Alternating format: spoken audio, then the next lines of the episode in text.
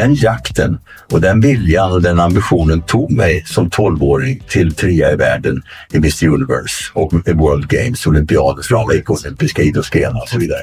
Så från Arvika och frusen sjö och åka skridsko och frysa och lida så skapade jag mitt eget Harlem, getto kan man säga, som skulle ge mig mental power eller styrka att fokusera så hårt så för att jag skulle kunna se hur bra jag kunde bli.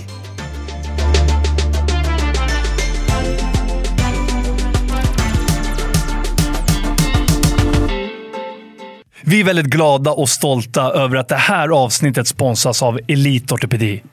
Ja, jag är så himla glad att vi har gjort det här samarbetet. För när jag träffade Dr. George första gången på Elitortopedi, då kände jag verkligen från hjärtat att det här har jag saknat. Under idrottskarriären, någon som ser liksom med spetskompetens varje enskild skada. Nu efter karriären med de förslitningarna man har. Och jag vet att det är så många där ute, inte bara aktiva idrottare eller för detta idrottare, utan med andra yrken också, som går runt och har ont, smärta varje dag.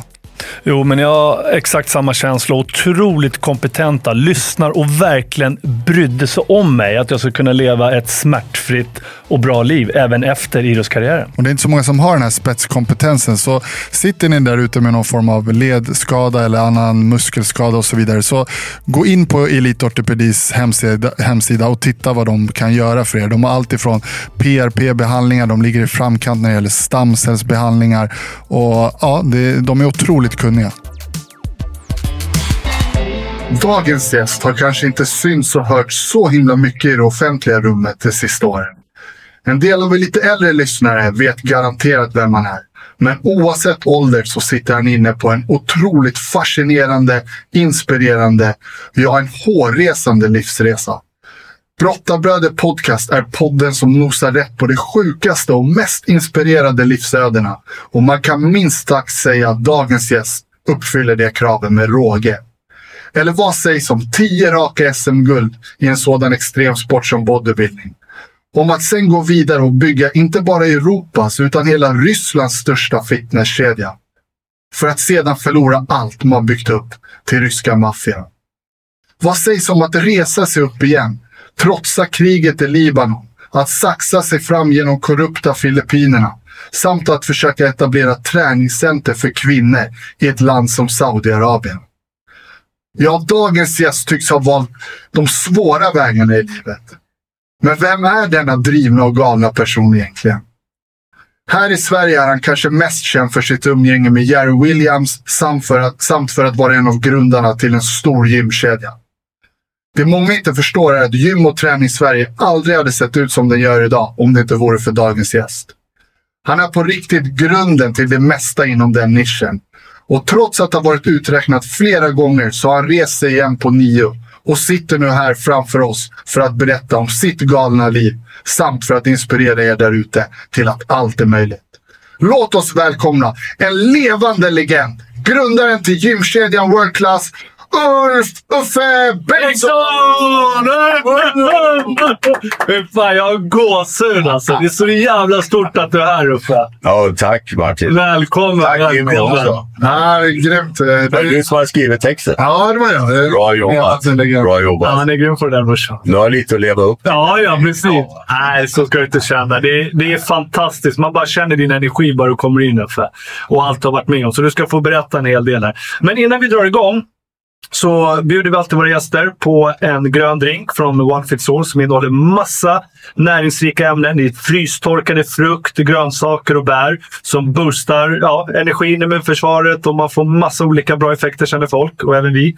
Så eh, vad väljer du? Antingen sån här eller så bjuder vi dig på en, ja, en riktig alkoholstinnad drink istället. Men Är det eh, eran partner som gör den drinken också? Eller? Nej, det är det inte. Nej, men då, då kör jag den här gröna. Jag kör den här hälsosamma. Onefitsall.se Ja. här. Can I drink it? Jajamensan. Ja, jag måste. Alla ska vara som PK igen. Nu smakar jag. Ja, gör det. Gör det. Smakar. Gör det.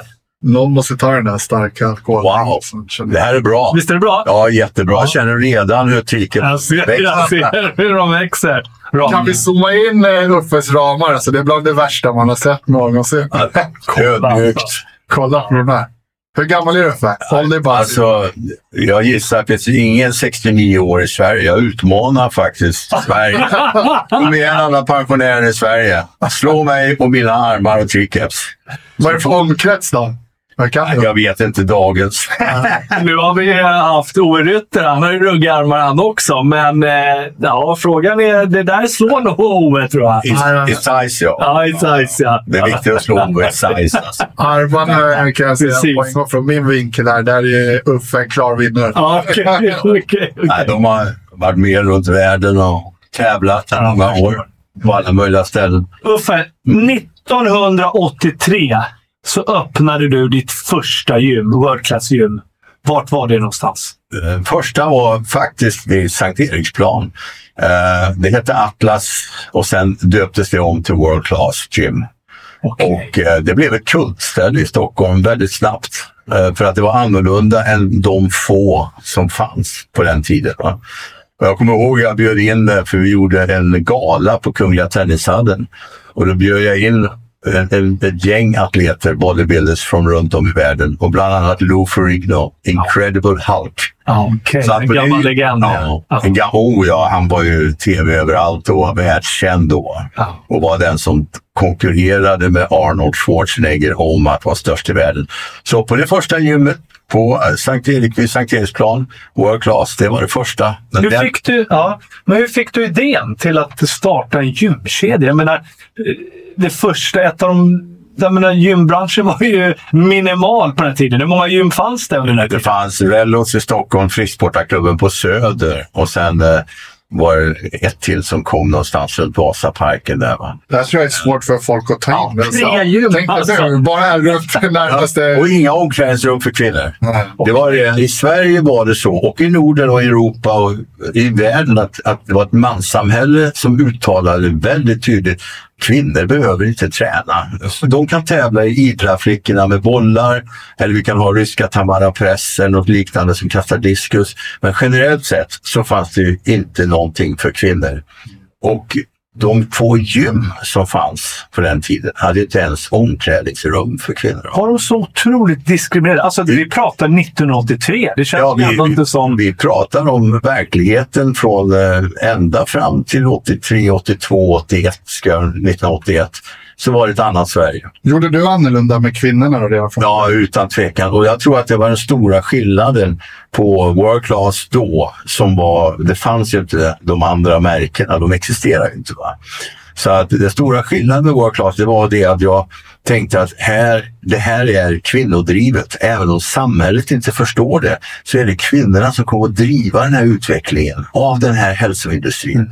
Och det visade sig att jag har helt rätt i, i det. Det är ju ett faktum. Va? Men då skapade vi jättefina, finare omklädningsrum för kvinnorna. Mer och, eh, kan säga, mysigt och sofistikerat, vilket var väldigt uppskattat. Och i och med det, det sättet att tänka så, så kom kvinnorna in i bilden på, på ett helt annat sätt. Det var en helt ny målgrupp också kan man tänka. att eh, Som du säger, om det bara fanns tre gym men de hade inte ens kvinnliga besökare. Så du introducerade det och skapade en helt ny målgrupp kan man säga. Ja, det kan man säga. Det, det fanns eh, Johan där som startade Friskis och Svettis. Han var ute några år tidigare och han startade Friskis och Svettis. Men det var Friskis och Svettis och World Class. Det var det enda som fanns i Moder Svea rike på den tiden. Och det var väldigt viktigt att, att, att World Class satsade stenhårt på, på kvinnorna.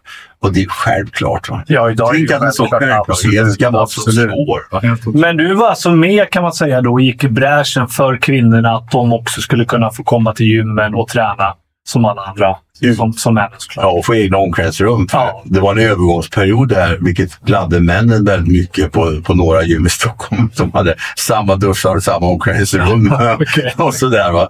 Och det funkade förvånansvärt dock för en del kvinnor, klart. Va? Men, men eh, jo, det var en, en övergångsperiod och eh, sen var det ingen snack om saken. Hur såg din affärsidé ut? Alltså själva eh, filosofin kring träna och gym och så vidare. Stack du ut på något speciellt sätt här? Jag, jag bodde i Kalifornien fram till starten av World Class i Sverige. Jag bodde stor del av året i Kalifornien. Jag tränade och tävlade över hela världen. Va? Och, eh, så jag såg ju, fick en global bild av eh, världen och av vad jag gjorde och av träning. Och såg i många länder hur, hur saker och ting låg till. Va? Och då satt jag och tänkte på beachen. Jag bodde på beachen i Venice i Kalifornien. Och där satt jag och tänkte att jag skulle gå vidare i livet. Jag var rankad trea då i världen. Ja, i. Miss Universe. Ja. Och sådär. Och hade tagit långa steg från Arvika och skogen där jag kommer ifrån kan man säga i västra Värmland till att komma dit.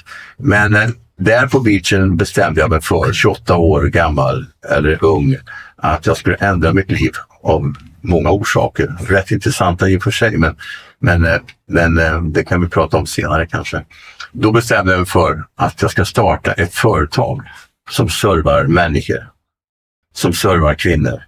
Så där jag kan ta allt jag lärt mig under alla år av träning och utbildning på Idrottshögskolan och annat och plocka in det i en klubb i Stockholm som en role model för framtiden.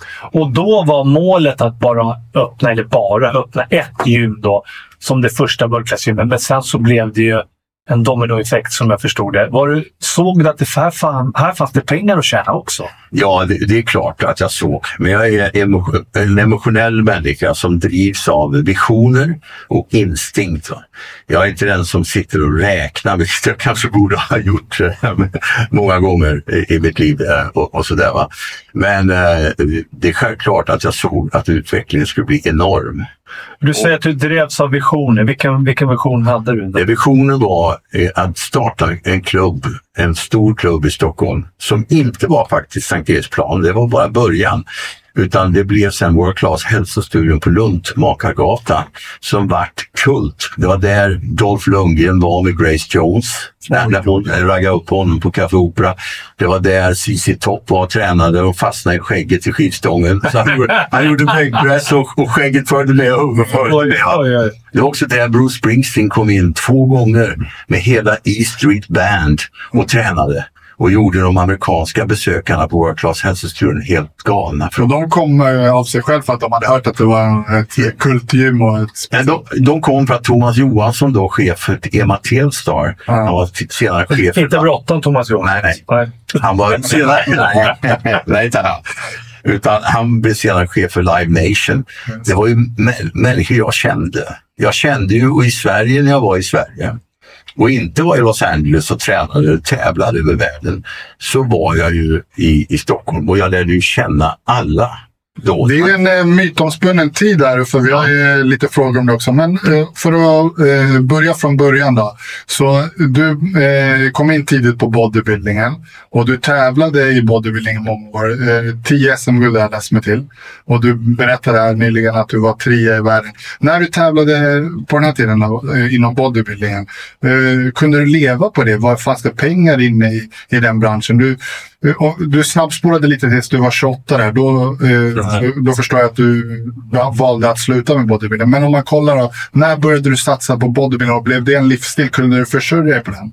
Ja, det, det, vi styrs alla av visioner, eller hur?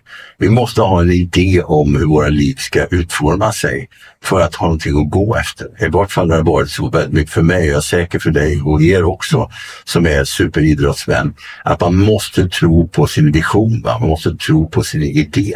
Jag hade en idé om vision om att jag ville bli bäst i världen.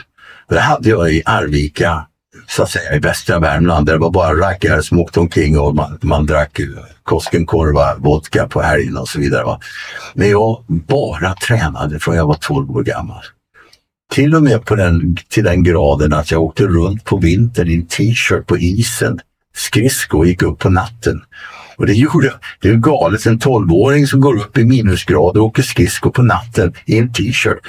Och det gjorde jag av instinkt att jag tänkte som en 12-årig kille att om jag gör saker som inga andra gör så förtjänar jag att bli bättre och vinna över dem och slå dem. Men jag visste inte i vad. Men jag gjorde det som en grund i att fostra mig i disciplin och att försöka hitta vägen framåt. Som sen blev bodybuilding efter friidrott och efter olympisk lyftning och så vidare. Så att det gjorde att jag tränade från 12 års ålder. Men var fick du inspirationen ifrån? Jag menar 12 år gammal, du måste ha haft någon, hade du någon idol eller någon inspirationskänsla som kände att som han, så ska jag bli när jag blir stor? Jag hade i mitt pojkrum där kan man säga, hade Brigitte Bardot och den franska madammen på en Harley Davidson.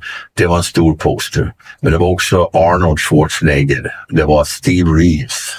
Steve Reeves var och Reg Park. Och Reg Park hade jag en poster på. Det var också Reg som inspirerade Arnold mest i Arnolds liv.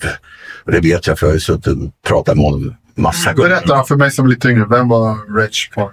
Reg Park var en, en bodybuilder av Mr Universe på 50-talet.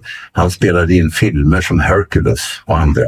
Så han var tillsammans med Steve Reeves, Reg Park, Steve Reeves var kan man säga role models för hela den moderna utvecklingen av bodybuilding, inklusive Arnold Schwarzenegger. Men jag tänker, det, du växer upp i lilla Arvika och liksom, du har en dröm, du har en vision. Och Många stannar ju där, men du, du tar ditt pick och pack, åker iväg till Kalifornien, eh, lever dina drömmar och dina, eh, jagar dina mål och visioner i livet. Du tar dig till Sverige, du öppnar gym, du åker vidare, vi kommer att komma dit, mm. startar i, i öststatsländerna. Sådana här saker som, som folk bara drömmer om och som många aldrig skulle våga och ens pröva. Hur, vad, vad hittar du moden och, modet och kraften? Det, som Nike säger, just do it. Uh det är ingen slogan som fanns. Men det fanns, och det har jag förstått nu när jag börjar bli eh, äldre, kan man säga, att allt det här jakten på upplevelser eh, och jakten som ska möta den visionen som man hade som tolvåring. Den jakten och den viljan och den ambitionen tog mig som tolvåring till trea i världen i Mr Universe och World Games, olympiaden, framgick olympiska idrottsgrenar och så vidare. Så från Arvika och frusen sjö och åka skridsko och frysa och lida så skapade jag mitt eget Harlem, getto kan man säga, som skulle ge mig mental power eller styrka att fokusera så hårt så för att jag skulle kunna se hur bra jag kunde bli. Men det här är skitintressant. Det här lidandet som du pratar om. Ja. Nu, vad, var det ett bekräftelsebehov eller vad, vad, vad kommer det här lidandet? Har det hänt saker i din uppväxt eller någonting som liksom skapade den här glöden? För ibland kan det också vara att det som det har varit för mig och brorsan som ja. hade en, en ganska tuff uppväxt och så att det vi kunde hämta energi från någonting som var lite negativt i vårt liv och hämta energi och göra någonting positivt av det. Var, har det varit så för dig också? Det, alltså, den stora frågan alla människor har, eller borde ha, det är att försöka leva sitt liv här och nu. Att försöka få en positiv energi runt sitt liv. Att kämpa för detta, att inte låta sig bara konsumera tid. Så jag hade en instinkt och jag kan säga det, det här, om jag ska förklara det så säger jag, en tolvåring har ingen rationell förklaring i ord. För det kommer bara med en enorm erfarenhet och kunskap. Jag säger det instinkt. Vi människor, män och kvinnor, vi är djur, så att säga. Och vi har våra instinkter som styr våra liv. Och ju mer vi lever i de här moderna samhällena, desto mindre förstår vi egentligen av vad livet är. För vi har kämpat för att fjärma oss från vårt ursprung. Jag tog instinkten till mig och lät den kontrollera mitt liv ända till jag var tre i världen och 28 år gammal. Och lät det driva mig. Och om man drivs av den instinkten och bygger på den, det var därför jag flyttade till Kalifornien. Men lidandet, det blev alltså din vägvisare? Ja, jag måste skapa lidande för jag hade inget lidande. Som du säger Martin och, och Jimmy, ni hade en problematisk uppväxt. Jag hade en fantastisk uppväxt där i Värmland med mina föräldrar och min kära bror Bo och syrran Inger och så vidare. Va?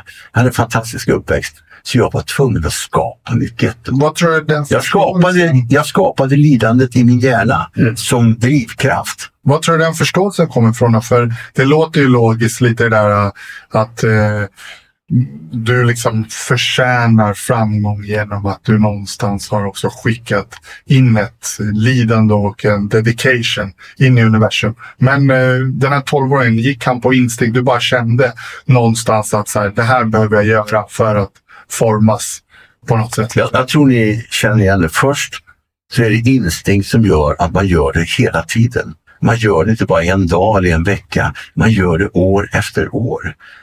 Och vad händer då när man fokuserar på det man vill göra verkligen och har en vision, en dröm om att bli bäst? Jo, man fostrar sig och disciplinerar sig för att ha en chans att lyckas. Mm. Och detta handlar inte bara om idrott, det handlar om allt i livet. Allt i livet.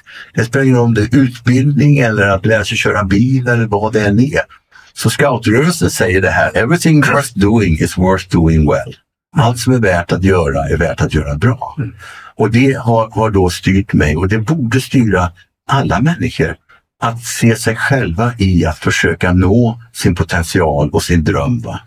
Mm. Och det var det som styrde mig. Och det var den här psykologin då som jag själv har funderat över ända sedan jag var 12 år lite grann. Vad var det som skapade det här enorma tempot och risktagandet och som entreprenör, som idrottsman. Uh, ja, det är ofta en röd tråd där, det ser vi också, jag och brorsan, att många som har eh, varit väldigt fundamentala, att gått all in på ett område, vilket idrotten, om man ska mm. nå riktigt långt, är att liksom, du behöver spendera otroligt mycket av din tid, tänka idrott, liksom, många träningstimmar och så vidare. Satsar allt på ett kort. Ja, allt på ett kort. Och sen när det risktagandet är över eller när man då applicerar man det på någonting annat och oftast eh, entreprenörskap. Vi har ju många gamla idrottsvänner som har blivit duktiga entreprenörer. Så den där kopplingen förstår mig. Men jag är bara lite intresserad av, eh, kanske lite ytterligare fråga, men hur levde du då där borta under de här åren? Eh, jag nämnde det tidigare, gick det att försörja sig på bodybuilding? Ja, du ställde den frågan tidigare. Bra in. Uh, faktum är att, att uh, jag tog en kort utbildning, akademisk, därför att alla tycker att bodybuilders kanske är korkade. Precis som man säger att blondiner inte... Förutfattade meningar. Så jag, jag sökte in och kom in på Idrottshögskolan. Ja, då gick jag GH, det var kort utbildning, akademisk utbildning och där studerade jag då ja, psykologi extra och working, alltså arbetsfysiologi och så vidare. Så när jag gick på Idrottshögskolan så tillbringade jag nog mer tid på fysiologiska institutioner än åt andra studier, alltså lek, eh, leka för barn och utbilda. Det, det, var inte så intressant för mig. Men du har väl den ådran också kan jag tänka mig. Det verkar vara så att det du väl ger dig in på, det vill du vara bäst på. Ja, och jag gick GH, jag gjorde militärtjänsten. Det tyckte jag var fantastiskt. Synd att den togs bort faktiskt. För att, att lära sig kamratskap och respekt och att jobba i team. Det fanns ingenting som jag har lärt mig under livet som var så eh, uh, väl behövt och intressant som militärtjänstgöringen i sig. Va? Vi, vi pratar inte om syftet med att vara militär och, och, och, och, så, utan själva träningen. Och sen så drog jag till Los Angeles. För att om du vill bli bäst, om du har en dröm att bli bäst eller bra, om du har en vision, be with the best. Mm. Och det var i Kalifornien Arnold bodde. Det var där stjärnorna, världsstjärnorna var. Och dit skulle jag. Det var en vinnarkultur, en vinnarmiljö. Det där kan vi, vi verkligen känna ja. igen oss. Vi tränade ju med de bästa i världen. Ja. Vi åkte utomlands och mm. tränade med mycket i ja. östländerna för att ja, bli lika bra som de andra. Om du inte kan skapa miljön där du är så kanske du måste ta dig till miljön. Och det var precis vad du gjorde. Exakt. Jag skapade mitt eget getto som ung i min mentala, i min hjärna för att få kraft och ilska, vara arg, att träna så hårt och så mycket som jag gjorde. Jag var nog Sveriges starkaste 15-åring. Jag vann SM i olympisk lyftning. Vi var i Polen i landslaget och tävlade. Sverige förlorade med 8-1 mot polackerna. Men det var en som vann i Polen. och gissa det var... Ödmjuk för Bengtsson, ja. Och sen tyckte jag det fanns för lite tjejer på läktarna i tyngdlyftning. Så då, det var då jag blev bodybuilder. Men Uffe, hade du en extrem talang? Eller var det just den här mentala biten, en kombination? Att du kunde pressa dig så jäkla hårt. Du skulle lida. Eller var det att du hade även en fysisk, genetisk förutsättning? Att du kände att här händer det grejer ganska snabbt jämfört med de andra? Ja, alltså... Och det, det, att vara svensk mästare är jättebra. Att vara femma i Sverige är jättebra. Folk har sina drömmar och det är hundratusentals män som vill se ut som Mr Universe runt om i Eller som Uffe Bengtsson. Eller kanske miljoner. Vad, jag funderat också vad som gjorde att jag alltid, förutom första VM, så var jag alltid bland de sex bästa i världen under alla resterande Sverige. Det är sån stor sport. Ja, med Amerika och så vidare. Jag tävlade runt om. Vad är det som gjorde och hur känns det när man inte är topp sex? Jag var ju alltid, jag var ju förbannad när jag var trea och inte vann. Va? då var jag skitsur och ledsen. Va? Jag kommer ihåg jag led så in i baljan när jag inte kom och fick en medalj. Alltså kraven, visionen hade blivit så stark så det enda som dög var att nå vinsten, att vara nummer ett. Men kan vem som helst bli så pass bra i en bodybuilding? Nej, det är genetik, det är genetik och disciplin och vilja och ha en tydlig vision. Det gäller i bodybuilding, men det gäller i brottning, det gäller i livet för alla människor. Alla er lyssnare borde tänka på det. Sätta sig ner och meditera över vem är jag, vad vill jag och hur kan jag? Om jag nu vill något. Annars jag- ska jag vara nöjd med det som det är nu. Jag var aldrig nöjd. Ja. Men då, om vi backar tillbaka bandet lite. Du startade första World Class i Sverige. Vad hände sen? Du öppnade, hur många gym blev det i Sverige och när började du att öppna nya gym internationellt eller utomlands varför? Det, Ja, nej, det, Ja. det är ju... hur- när World Class hälsostudion där CC Topp och Bruce Springsteen och Sixten Herrgård och alla svenska legender som är intresserade av fysisk träning och så vidare var där. Och jag hade floating center. Jag anställde en präst som drev ett floating center. Man ligger och flyter viktlös. Och, ni känner till det här, floating tanks och sådär. Så jag introducerade det. blev man frälst då samtidigt? Ja, nej, för spirituell utveckling har alltid varit någonting som har legat mig nära. Okej, okej. I början förstod jag inte så mycket av det, men nu mer och mer och nu blir det viktigare och viktigare. Va? Jo, då tänkte jag att bara jag köper den här, det här huvudet, anläggningen på Lundmakargatan 68 så är jag nöjd. Nu ska jag sitta där resten av mitt liv och alla artister får komma, vilket de gjorde. Alla sa Dolph, Billy Idol och allt vad det var. Stockholmarna ska älska det och alla älskar det. Det blev precis som jag ville. Men, och det blev en till i Sverige, två till, tre till. Ja, till slut var det 32 World Class-anläggningar i Sverige. Och det var Sveriges största kedja by far. Och World Class dominerade under hela 80-talet. Eh, hela utvecklingen. Och det, det är klart folk inte förstår. Eh, det, Friskis och Svettis och World Class dominerade under hela 80-talet. Och det var inte bara det. Vi hade World Class Gym Equipment. Vi gjorde en fabrik utanför Stockholm, Åkers styckebruk. Jag hade World Class Gymwear Sportswear som var ett av Sveriges större äh, eh, sweatbrands. Det var större än Casall och Nike hade kommit med skor med Nike. Jag hade inte Sweats på den tiden. Så jag var med och skapade Nike Network med Nike för kvinnor. Och vi drev kvinnofrågan, vi drev kvinnlig träning. Vi var inte World Class, var med Nike och de andra och byggde någonting som inte fanns. Mm. Det som alla tar för givet idag. Men- oerhört spännande. Så 32 anläggningar i Sverige och sen, sen, Sen kom det... ja, sen jag måste bara förstå det här med när man går då från Mm. ett gym Sverige som inte var alls eh, utvecklat så som det är idag. Utan, eh, lyssnarna måste förstå att det var liksom, som du nämnde där tidigare, det fanns bara några få gym. Du köper den här stora anläggningen och sen går ni vidare till anläggning 2 och 3. Var det du själv som ägde World eller var ni några stycken? Var det franchise eller var det... Eh, hur såg det De första två åren hade jag en partner. Han var min manager. Och som tack för hjälpen så förskingrade han alla mina pengar som jag hade pumpat in, som jag hade tjänat som idrottsman, vilket var miljonbelopp. Och eh, jag tog honom till rättegång, han fick fängelse. Så att det var min partner och det var min största läxa. Jag trodde att livet var till för mig innan. Jag trodde att det, heder, att det var någonting som gällde. Att handshake, ett handslag gällde. Och så lärde jag mig att min egen manager som jag litade så mycket på systematiskt stal ur våra bolag och mina pengar gick den vägen in i hans ficka. Men han fick fängelse. Och då sa jag när han då fick fängelse så sa jag det, aldrig mer ska jag hålla på på det här viset, på det sättet. Jag blev, min, min illusion om hur människor fungerar försvann i och med det. Va? Så säga. Sen ägde jag det själv. Svar ja. Byggde tillbaka det efter hans angrepp. Ehm, första gången byggde tillbaka det. Ehm, och Vilken jäkla revansch efter den smällen och ändå ta sig tillbaka. det var Davids Goliat, eh, kamp mot Goliat. Jag var David. Jag var en bodybuilder som hade idéer, visioner, entreprenörskap. Men jag blev attackerad av, av en mycket sofistikerad bedragare kan man säga. Men kände du inte dig väldigt ensam på den här tiden? Jag tänker att öppna så många gym, åka utomlands, eh, göra saker som folk kanske bara drömmer aldrig skulle våga göra och göra det helt själv dessutom. Och ha någon kompanjon och kanske blöta och stöta saker och, och diskutera om och stötta varandra. Det här är ju väldigt intressant. Jag kan säga att mitt största misstag det är att jag inte i många fall haft tillräckligt bra människor med mig. Det här sträcker sig över 40 år. Va? Jag har också haft fantastiska människor med mig. Så att om man ska prestera någonting så ska man jobba i team om man vill expandera det eller internationalisera det som jag gjorde. Den mänskliga faktorn är helt avgörande om du ska lyckas eller inte.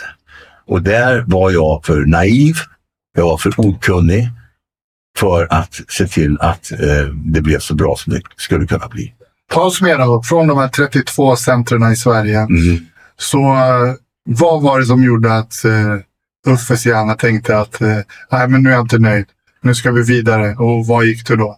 Då kommer vi tillbaka till den här instinkten som inte är rationell.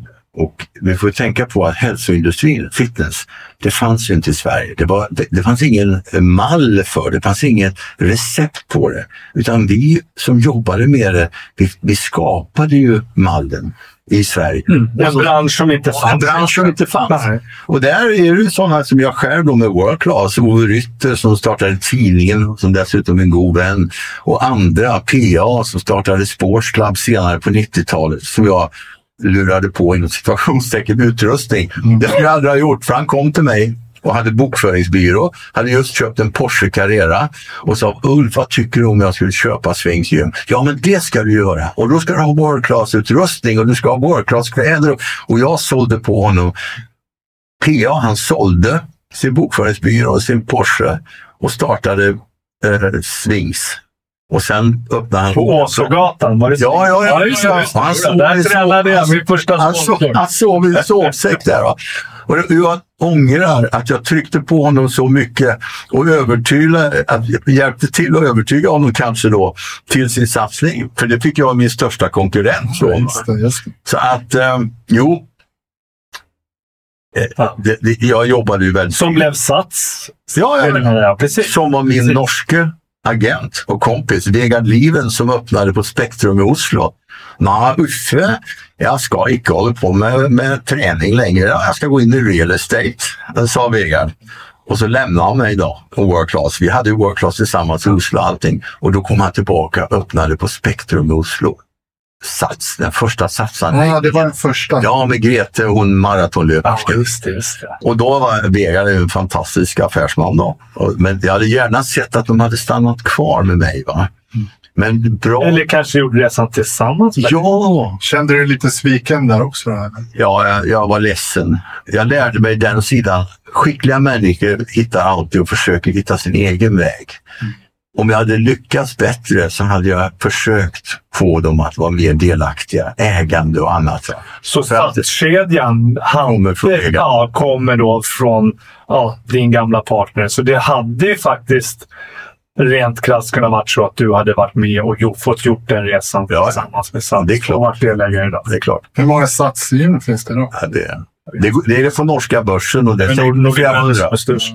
Flera hundra. Men eh, nu... Eh, Ja, vi är utomlands. Vi måste internationellt. Det hänger över. Varför eh, kom du på att du skulle till ett annat land? För det kan jag tänka mig att det är ett stort steg. Ja, men det- Var gick du då? instinkt. Instinkt. Ehm, man är aldrig nöjd. Jag var fortfarande en bodybuilder när jag var entreprenör. Och att vara body, man är en människa. En del säger jag, jag är ingenjör, jag är bodybuilder, jag är lärare, jag är det. det. Nej, man är en människa som kan ha flera strängar på sin lyra. Och jag vill inte kategorisera mig till en viss typ, stereotyp och så vidare. Jag hade instinkt och jag ville se hur långt kunde jag ta World Class. Och bland annat så låg det då på andra sidan Östersjön, ett väldigt stort land, världens största faktiskt, Sovjetunionen. Och jag gav mig på Sovjetunionen tillsammans med andra saker jag gjorde. Det här var 1987. Då kunde jag inte hålla mig längre. Då föll några pusselbitar på plats. Och då åkte jag över till Sovjet. Det är inte många som gjorde överhuvudtaget då kan jag säga. Och så startade jag World Class i Sovjetunionen under Gorbatjovs tid. Ja, Jag tror Oh my men God. jag tänker på Sovjetunionen, det var ju mytomspunnen och många... många vågade ju knappt åka över till Sovjetunionen och man visste inte riktigt vad som skedde. Det var stängda gränser och så vidare. det- Men du bestämmer alltså att åka dit och öppna World Class i Sovjetunionen. i Sovjet. Och till den grad att googlar du, eller ni, eller alla lyssnare på World Class Clubs Russia så ser ni Rysslands största, mest kända livstidsföretag värt mil- ö, miljardbelopp idag. Ägt av Goldman Sachs idag och Alpha Capital, Alpha Bank. Det här är legendariskt. Ja, men det, det, Fan. det är så här, Rysslands största och mest värderade livstidsföretag idag och känt över hela Ryssland är World Class. Det företag som jag åkte dit och startade 1987 i Sovjet under Gorbatjov och som togs ifrån mig av ryska maffia. Den måste du få... Ja, den ska vi, men jag måste bara, innan vi kommer dit, alltså Ja. detaljerna. Ja, Alltså hur gör man? Man åker till Sovjetunionen.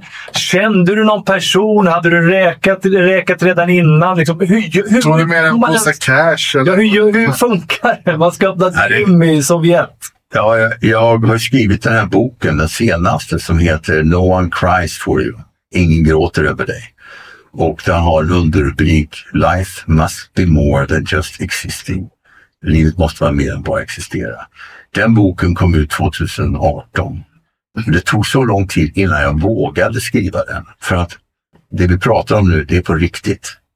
Det är som människor nu chockas i Sverige och Norden och Europa över hur kan Ryssland, Putin gå in i Ukraina? Det är på riktigt. Det är en verklighet som vi inte har förstått tidigare som land. och För vi har varit för naiva. Våra policies har inte varit på riktigt i linje med den verklighet som är där. Och ja, Sovjet, att åka dit och göra det som har gjorts, som jag beskrivit i den här boken No one cries for you är, är storyn, eh, hur det här kommer sig. Men jag kan säga att det är precis samma sak som gå upp tre på natten och åka skridskor i minus 10 grader i en t-shirt långt in i värmländska skogarna. Det är samma sak att åka över Östersjön och åka till Leningrad, det var inte Sankt Petersburg då, och få kontakterna och ta kontakterna med Lenfingtorg. Lenfingtorg var en utrikeshandelsorganisation under Sovjettiden. För det var så man bedrev handel med väst. Och där träffade jag Glatkov, Lebedev och med flera. Och då förstod jag inte, men alla var ju KGB, KGB. Mm. För det var KGB som var inblandade i allting som hade med internationella relationer att göra. För alla bolag i stort sett var väl statliga under Sovjet. Allt Sovjet var... Alltså ingenting som var privatiserat. Nej, helt klart. Så var du tvungen att äga dina gym tillsammans med den sovjetiska staten eller kunde du äga gymmet själv? Du kunde äga det själv. Det var alltså i början av en process med glasnost, perestrojka, som Gorbatjov drev. Och jag beundrar Gorbatjov som en av de mest fantastiska människorna i historien. Han hade power och kraft att se till så att järnridån inte föll. Han kunde ha kallat in militär och strider och allting. Men han trodde på sin perestrojka glasnost. Och han gick hela vägen trots att han blev förödmjukad av andra i, po- i politiken, Boris Jeltsin bland annat. Och drev igenom det här. Det Sovjet som jag kom till då var redan i början av en stor förändring. Och då öppnade jag den första World Class i, eh, i, i Leningrad. Och det var på ja, Nevsky. Sen blev det nummer två, nummer tre. Jag öppnade Hair Studio på Nevsky. Men hur klarade du det här ekonomiskt? Hade du, fick du hjälp eller hade du någon, någon eh, kompanjon under den här Nu tiden? vill vi höra sanningen Uffe. För, eh, Eller hade du det en påse pengar? preskriberade, tider. Men det låter ju som att det finns någonting här. Fast Ja. svarta stålar under Nej, den nej, låten nej, nej, absolut nej. Okej. Absolut nej. Jo, det fanns en person som var min general manager. Man kan inte göra det här som svensk. Man kan inte göra det som mig. Ingen kan. Men jag, det kom en kvinna in på World Class hälsostudion på Lundmakargatan. Hon hade just lämnat sitt jobb. Hon var rysk medborgare. Hon var gift tidigare med en svensk känd person. Hon kom in och jag förstod att hon var ryska, pratade svenska och engelska. Hon var väldigt intelligent. Så sa jag till henne, du, kan inte du jobba med mig? Så tar vi och åker och öppnar World Class i Sovjet. Ja, Ulf. Så det hade Ja, jag hade en höger... kompanjon kan man säga. Nej, nej, inte kompanjon. En höger hand som var med mig. Men hade, hade hon ekonomiska muskler? Nej, muskler hade jag. Ja. Jag hade behövdes inte så stora muskler i Sovjet. Jag kan säga så här, det- World Class blev efter några få år eh, Rysslands eller Sovjets näst eller tredje största tjänsteföretag i forna Sovjetunionen. Men Då hade vi kanske 300 anställda. Men fanns det pengar att hämta där borta, tänker jag? För det, folk hade det ju ganska tufft under den här tiden. Kommunismen i, i Sovjet. Ja. Det, det, är, det är så mycket att prata om här, Martin.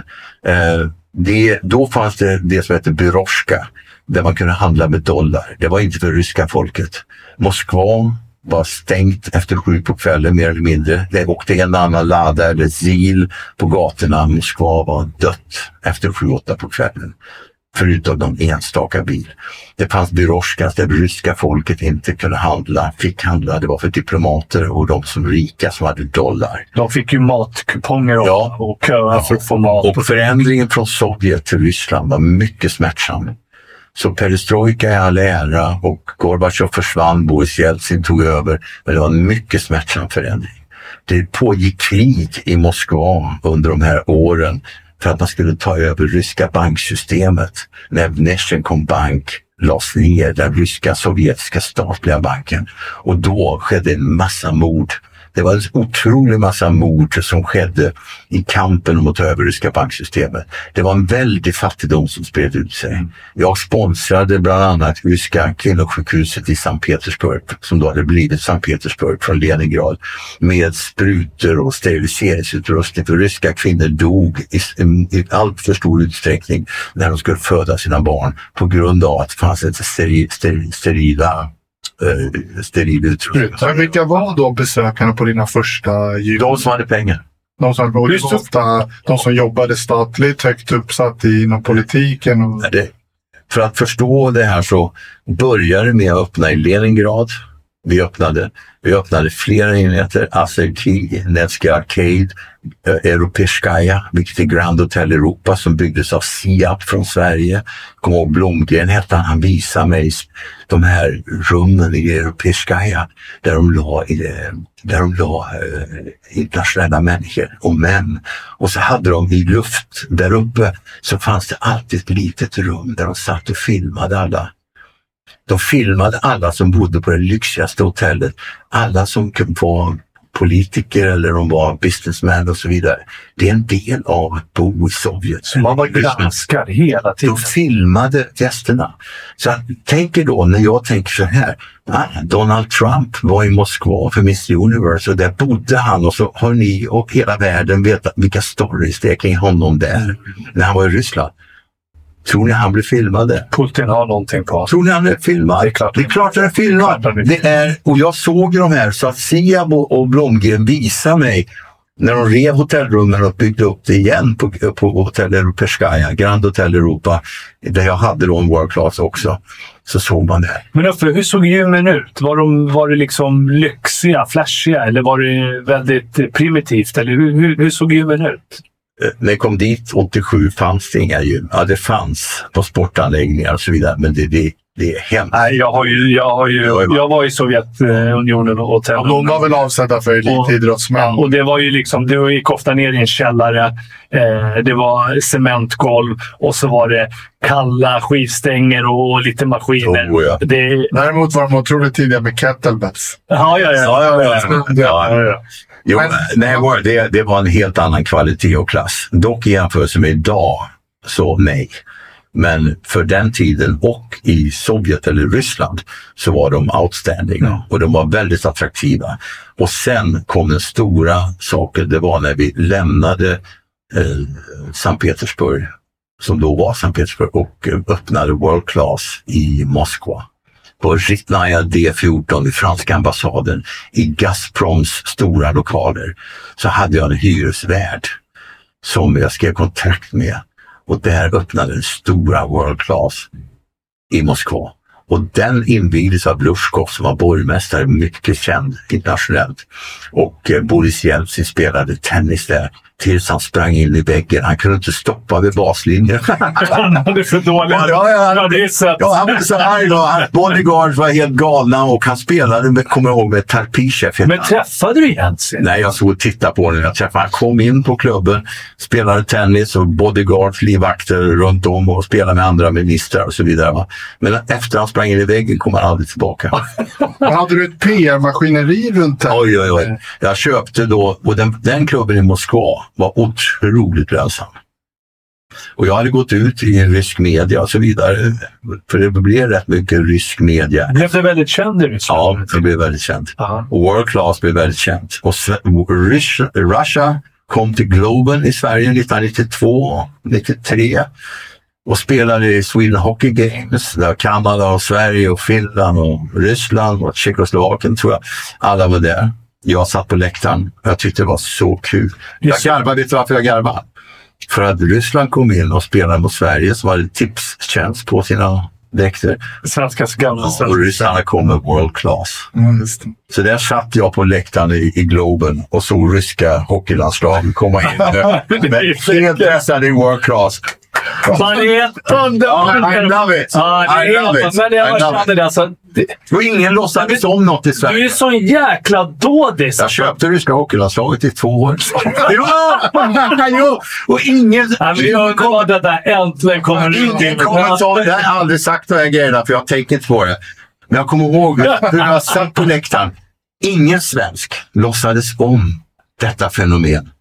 Därför att en svensk kille som mig från Arvika och dessutom tränar med Som skulle lida. tävlar i muskler Ja. och som köper ryska hockeylandslaget på det viset. Det får inte vara sant. Och därför säger vi ingenting så existerar inte. Vad fick du betala för... Eh, 120 000 svenska kronor. Oj, jävlar på den Ja, tiden! ja. Det är jävla massa skål. Ja, men det är- Vad kan man jämföra det med idag? Det är... Tre gånger så mycket. Ja, ja, Där satt jag med, vet du, hela... Ja, du vet. Ja, gamla hockeytränare, ja. Och Lisse Nilsson eller, och Sura Pelle Pettersson. Och alla var ju där. Va? Legender. Ja, de satt där. På, de spelade inte va? Nej, nej, jag träffade dem. Och så satt jag där då och ingen fattade någonting. och du vet, i Moskva, där, jag, jag köpte ju heluppslag i ryska Cosmol, Cosmopolitan. jag, jag var ju huvudsponsor på Kremlin Cup i tennis. Vad sa du där? Jag var huvudsponsor på Kremlin Cup i tennis. Den ryska, du vet.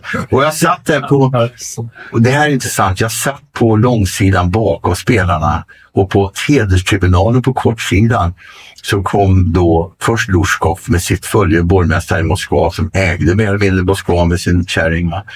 Och sen kom Boris Jeltsin, lite viftande med armarna och säkert full med sina bodyguards, satte sig på, på tribunalen där. Va? Och jag satt där och tittade och World Class är utkörda aerobic-shower med tjejer då som körde koreograferade eh, nummer i World Class kläder mitt på tenniscourten i vet, mellan set i pauserna. Va? Sen så såg jag dem komma. Jag såg nämligen min landlord som jag hade skrivit kontrakt med. Jag ska inte säga namnet nu, men om jag skulle säga det skulle du kunna googla och förstå historiskt vilka de här personerna är. Komma med sin hustru, gå förbi säkerhetsvakterna och morsa på dem och heja på dem. Gå upp på hederstribunalen, gå förbi Lushkov och gå förbi president Jeltsin. Bara coolt. Och så satte de sig på vänster sida på hederstribunalen. Där uppe. Då hajade jag. Min landlord, president of Russia, är så nära förknutna så att han kan gå upp förbi Rysslands president på det här viset. Utan att hälsa. alltså. Utan att hälsa, utan, och bara hälsa på bodyguardsen, livvakterna. Och det är som att Secret Service i Amerika skulle låta någon komma och gå förbi USAs president med två meter. Det är liksom och så vidare. Vad är det här, tänker jag då? Vad är det här, tänker jag? Och det är en del av storyn när den går Men okej Josse, hur många gym blev det i, i Sovjet? Eh, då när 6 april 1995, då säger man till mig på ett möte sju timmar. This is the Russian way, Wolf. No one cries for you. We don't cry for you. This is how it's gonna go. Så här ska det bli, Ulf. Då satt det en, eh, det var kvinnan till eh, landlorden, det var advokaten, det var en man i trenchcoat och med en hatt på sig som satt i trenchcoaten och hatten hela tiden. Och bara stirrade på mig med ögon som han skulle skjuta mig, döda mig och så vidare. Han var bara ditsatt för att skrämmas. Mm. Och sen sa KGB-gubbe? Jag vet inte. KGB, ja. Jag vet inte. Men på det mötet förlorade jag hela mitt livsverk som jag hade byggt. Var de tvingade att signa på av sägningspappret? En sak som är klar och väldigt intressant och det, det är det att när vi i Sverige nu försöker förstå oss på Ryssland. Jag har levt in och ut ur världens största land över sju tidszoner och flugit i, i Tupolev och Jaks i snöstormar över Sibirien och så vidare. Och så vidare va?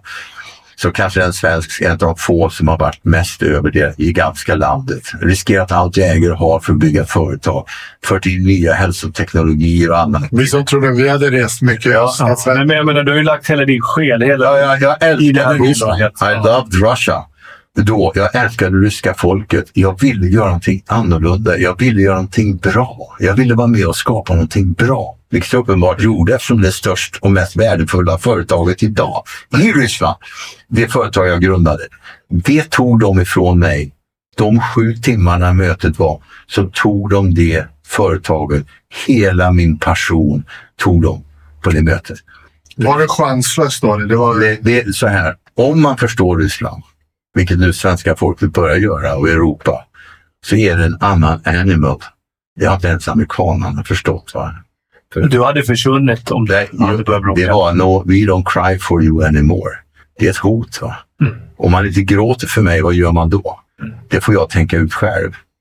Så det, de pratar i metaforer. Var du tvungen att signera något papper? Och det var ju ofta så. De hade förberett det kliniskt. De hade skapat i Schweiz ett annat World Class International. Och det värsta av allting, det värsta av allting som jag skriver om, de hade rekryterat min manager, kvinnan som var med mig och byggde Ryssland för första gången. Hon, Hon högg dig i, ryggen. de köpte henne och köpte henne några månader innan. Säkert mot att hon skulle få en stake, så hon förrådde mig. Jag förstod det på mötet under sju timmar. Så sa jag det. But I have 350 employees, you have no one. I have the manager. No, you don't have the manager. Skrattade hon. Log de bara så. De hade rekryterat Ja, henne. men jag tänker, det här, är, det här känns ju som någonting som har gått som en röd tråd genom hela ditt liv. Först det som hände i Sverige, Med, där du blev förrådd av din kompanjon. Här bygger du upp den ryska, med din, din ryska eh, kompanjon, denna kvinna. Ja. Bygger upp allting och blir förrådd igen. That's the name of the game. Så därför vill jag säga, det, det är intressant att prata med, med er så här va, och, och prata och berätta om det, för det jag säger är mer än sant. Va? Det, det är mer än sant. Om man nu är entreprenör och man satsar och bygger internationellt, så risken är väldigt stor att man blir förrådd. Risken är väldigt stor att man blir attackerad i ryggen. Om man är spridd och inte har fullständig kontroll, vilket är oerhört svårt, så tillhör det businessvärlden att bli förrådd.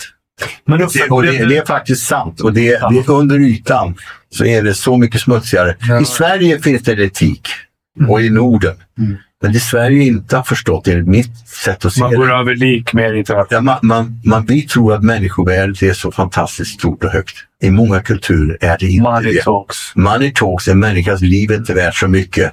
Och i Ryssland är jag en story eftersom jag grundade och drev och skapade modellen som de sen tog och kopierade ytterligare. Så i Ryssland är det idag 48 anläggningar och total dominans i Moskva. Men Uffe, har du blivit bitter efter den här tiden? Eller känner du att du har kunnat lämna det här bakom dig och gått vidare? Eller är det så att du går och funderar och grämer? Fasiken, någon snodde mitt liv. Jag var mer bitter när jag var femma i VM över att jag inte fick medalj än vad jag är att förlora det här i Ryssland.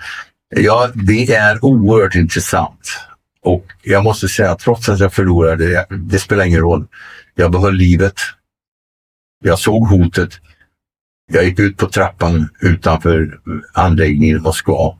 Det snöade. Jag tittade upp. Min driver, chaufför, väntade i en blå Volvo. Och jag sa, kör mig till min lägenhet. Jag hade flera lägenheter. Ja. Det här måste man göra. Jag hade flera- här måste jag hade flera. Det du berättar är så filmiskt. Ja, Jag ja, ja. bilderna framför mig. Han körde mig till min lägenhet. Han frågade vad som hade hänt. Jag tömde min bruna lägenhet på ett par väskor och sen lämnade jag det lägenheten och sa att han skulle köra mig till Röda torget. Där släppte han av mig och sen gick jag till hotell eh, Metropol. Var du bankrutt under den tiden? Eller fanns det pengar som du hade kunnat lägga undan tiden? alltså, just då, i Moskva den dagen, han fick släppa mig ur Röda torget så att han inte visste vart jag var. Om de skulle bara ta mig. Va? Jag visste ju inte. Just då tänkte de kanske skjuter mig. Va? Bilolycka eller vad som helst. Blev du paranoid då? Eller det är lätt att... eh, Som du säger, i de här kulturerna så är inte människor världsväg, så med all rätt. Men vidtog du många sådana åtgärder då? Att, Det, det här var ju första sidor sedan jag åkte hem till Sverige nästa dag via Danmark. Jag stod på, på toaletten på flygtuppelplanet. Det var ett fönster i taket där och tittade ut. Jag tänkte, how could she betray me? Hur kunde hon förråda mig? De har tagit allt. Vad händer nu? Jag kommer gå åt skogen. Allting. För Ryssland var, tjänade pengar, mycket pengar. Och jag hade pengarna kvar i Ryssland för att satsa och bygga vidare. Jag var en good guy. Jag sponsrade Sankt Petersburgs kvinnosjukhus. Jag räddade människoliv. Jag fick uppmärksamhet av Sobchak, borgmästaren i Moskva. Och en annan person som satt på mötet som jag inte ska... Men Uffe, det måste ju hända någonting med ens identitet, tänker jag. När man är där uppe, man har allt, man lever sina drömmar, man blir en hjälpande hand för väldigt många människor. Du vill ge väldigt mycket. Och sen dras allt ifrån en Ja, på en sekund. Ja, ja. Vad händer med en människa när man drabbas av det här som du gjorde? Ja, jag säger det är nog värre att få ett cancerbesked. Det är nog värre att förlora, inte nog, det är värre att få ett cancerbesked. Det är värre att förlora ett barn, det är värre att förlora en nära vän.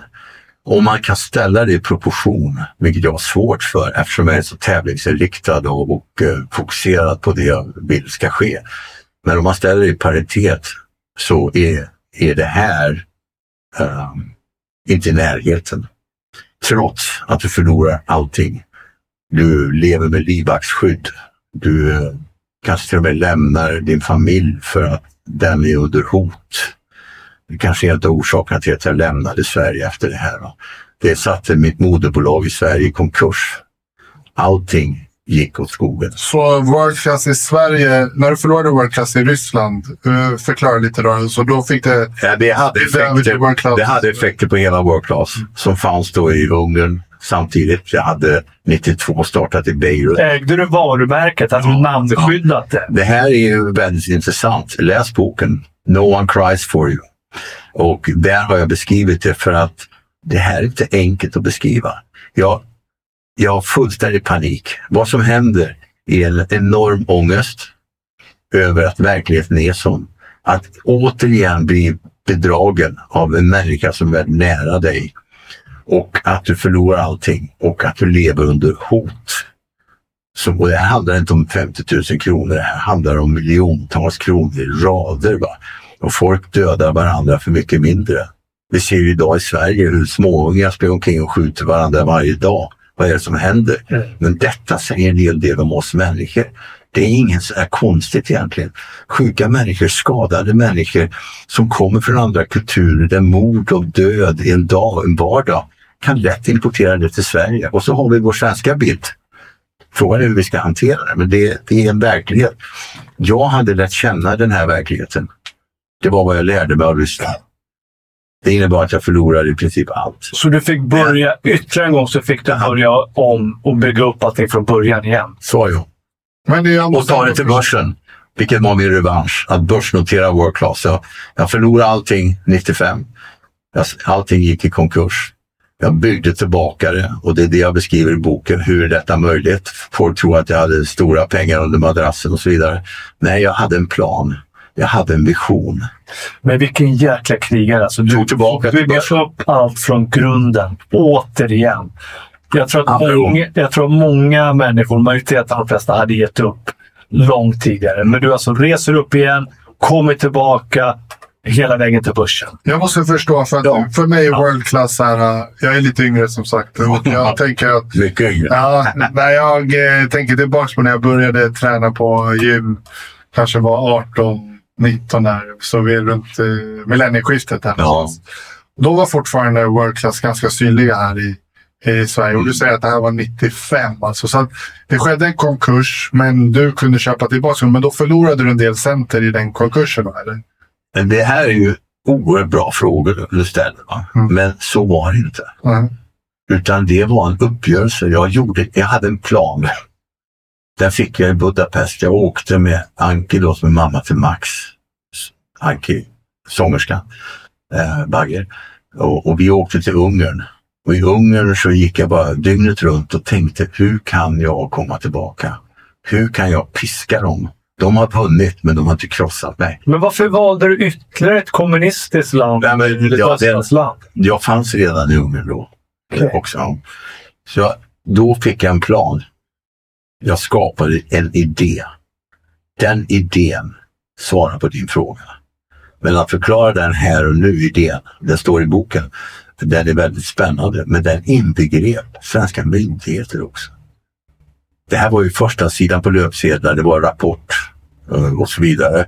Svensk idrottsman reglerar ryska maffian och så vidare. Jag satte till det ena med det andra. Jag var tyst. Trots att eh, säkerhetstjänsten, arméns underrättelsetjänst sprang hos mig och skulle intervjua.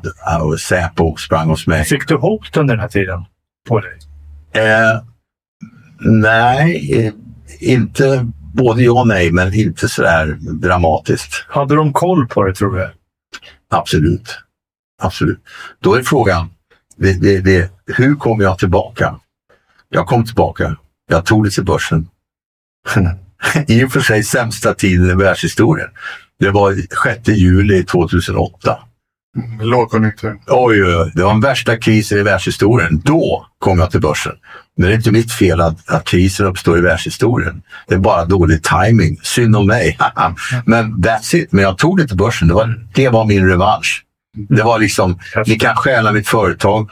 Du kan bedra mig. Men du kan aldrig krossa mig. Du verkar ha hämtat ord. Det där har vi pratat om någon förut här för Martin. Att eh, det där med att det går att hämta mycket kraft i motgångar. Men att det ibland kan anses lite fult. Fast det egentligen, om man kanaliserar på rätt sätt, att hämta en positiv energi i en revanschlust. Och du verkar ju vara lite återkommande i ditt liv. Att när du åker på den här smällen, eh, nere för räkning, så är det som att så här, den här revanschlusten, nu ska jag visa dem och sådär. Att den, det är någon form av drivkraft. Är det att bevisa för sig själv? Den här femteplatsen skulle bli en tredjeplats och så vidare. Vad tror du det beror på? För är det att bevisa för sig själv eller är det att bevisa för dem som, man, som har svikit? Jag, jag tror jag tror att de som har svikit är att man ger den. Ja, det är Vi det. kunde ta allt, Mm. men vi Kan kunde... du visa det mot kameran där då?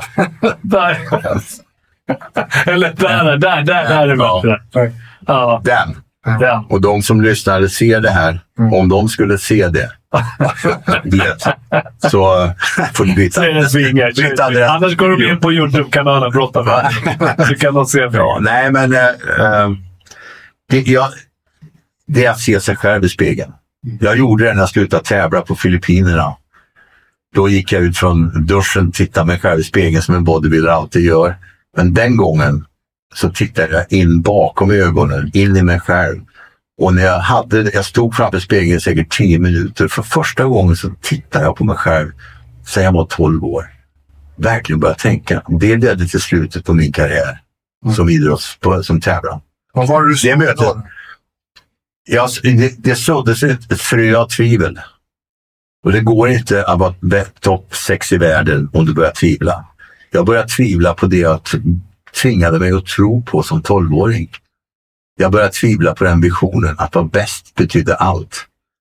Jag tänkte vad är det för skillnad på att vara trea eller bara etta? Det är ingen skillnad. Är jag etta så är Så en del av glöden slocknade. det, det, det galna slocknade. Och när det galna slocknar så är du inte världselit än, än, fortfarande. Det finns inte. Det finns ingen elitidrottsman som kan vara i världselit eller i topp sex i världen om de inte har den feelingen inom sig, vare sig de är medvetna om det eller inte. Det där kan jag känna igen mig i väldigt mycket. Jag, Du är världsmästare. Nej, men jag hade ju jag hade planer på att göra mitt, satsa på till mitt fjärde OS, olympiad, till OS i Peking. Ja. Eh, jag hade blivit Europamästare, blev världsmästare och så började jag träna stenhårt med målet att jag skulle göra mitt eh, fjärde OS. Men där och då så kände jag någon eller det är precis som du säger, det var liksom en, som en aha-upplevelse. Jag var nere på träningen och så kände jag, fasiken, glöden finns inte här.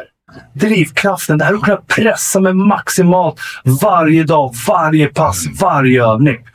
Och när jag fick det där, Kör. lossnade, ja det är kört. Det går inte. Hur mycket man än försöker hitta det. Borg, Så jag samma. bestämde mig för att lägga av. Mm, bra. Det är därför du sitter här idag. Framgång för man bestämmer sig att lägga av. Jag la av som undefeated i Norden. Ja. Jag har aldrig fått stryk i ett mästerskap i Norden i tio år.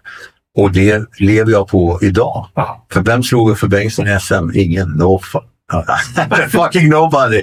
Men, men det, det... Och sen kom det otroligt bra bodybuilders i, i Sverige. Va? Eh, Johan Oldermark och andra va? Som har varit jättebra. Men, Men Uffe, vi ska komma in på din fysik och ditt, jag tycker det är jätteintressant. Alltså din fysik är helt, var ju helt otrolig.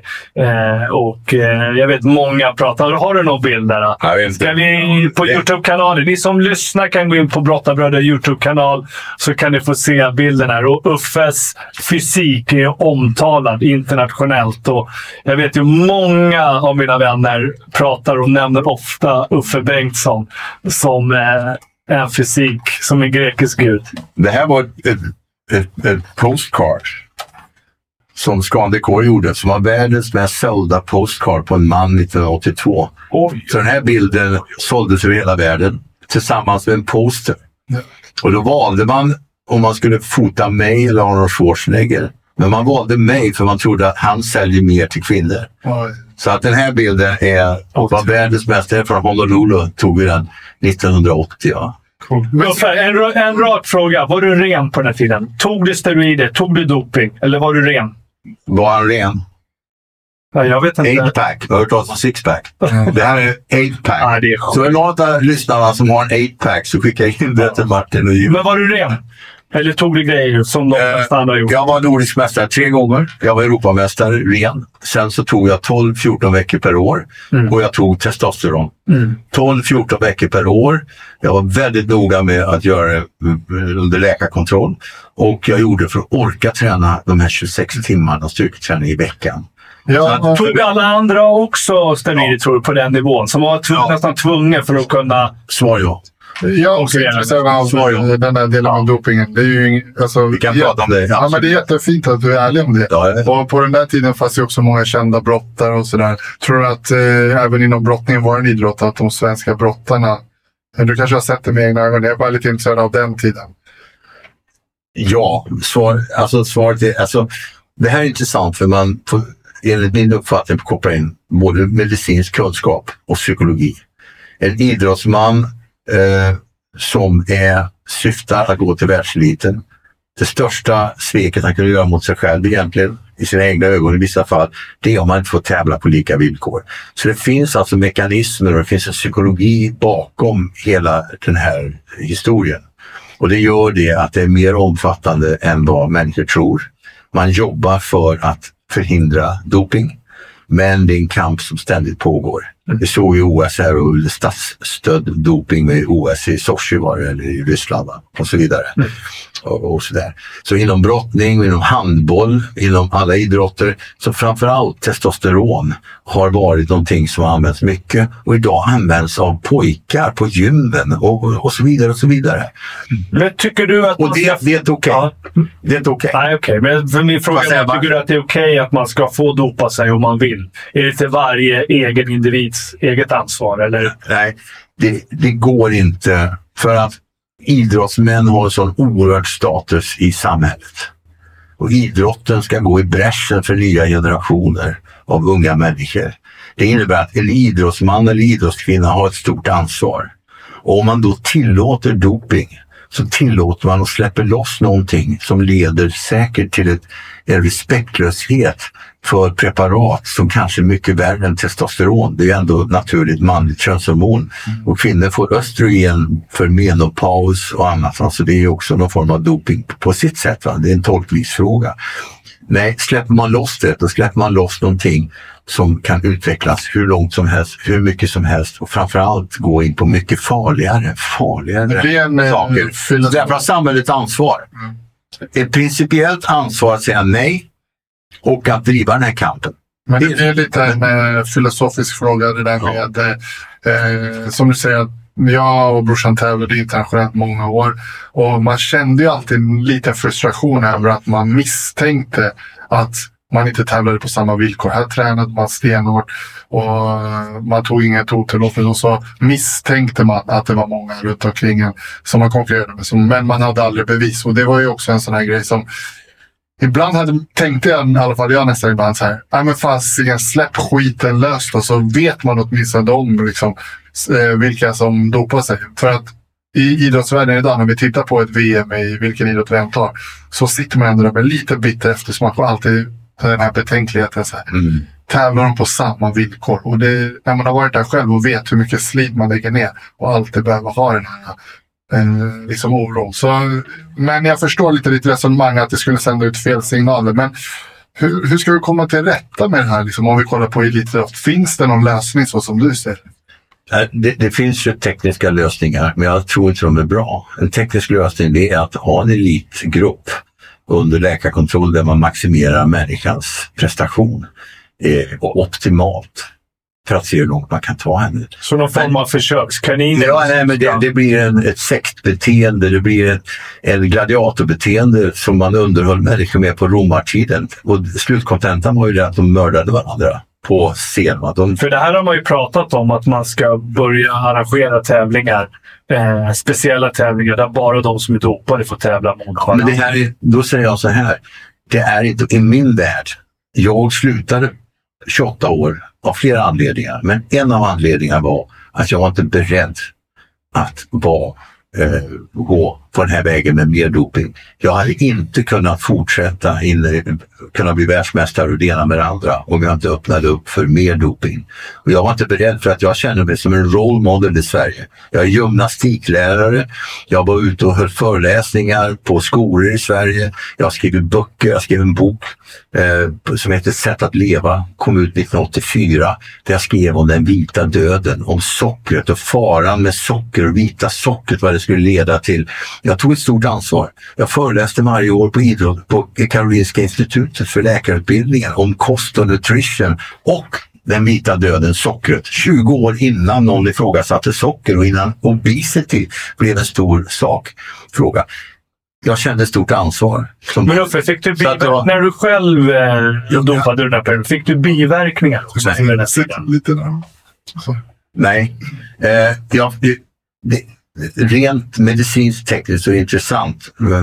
Det intressanta är att när man tränar så mycket, två till tre träningspass varje dag, sex dagar i veckan, det var 26 timmars styrketräning och det var en oerhörd diet samtidigt på, under vissa perioder. Mm. Jag hade 3,6 procent kroppsfett och tränade med sån kroppsfett som, som, eh, är, som är så låg så att de hade inte sett någonting när jag var på Danderyds sjukhus och de gjorde en magnetundersökning på mig. Så hade läkarna där, forskarna, aldrig sett en man med 88 kilo muskler med 3,6 procent body fat. 3,6? Ja, just det.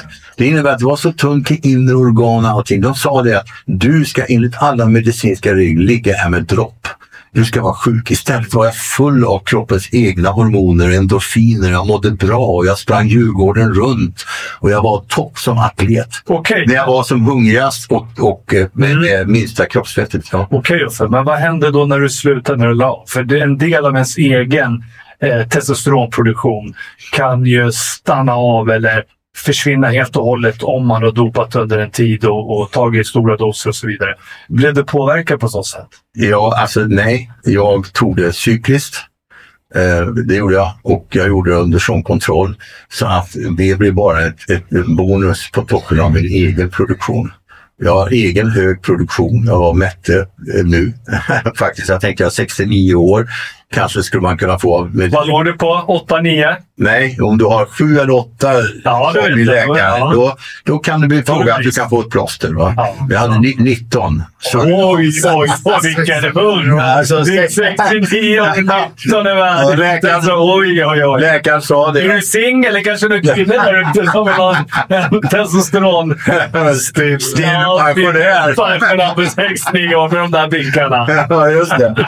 Jo, nej, men han sa det läkaren att Ulf sa han, om jag skulle ge dig testosteronplåster nu skulle jag förlora min läkarlicens, sa han. Det förstår Och så jag. garvade han. Uh, Men du var ju...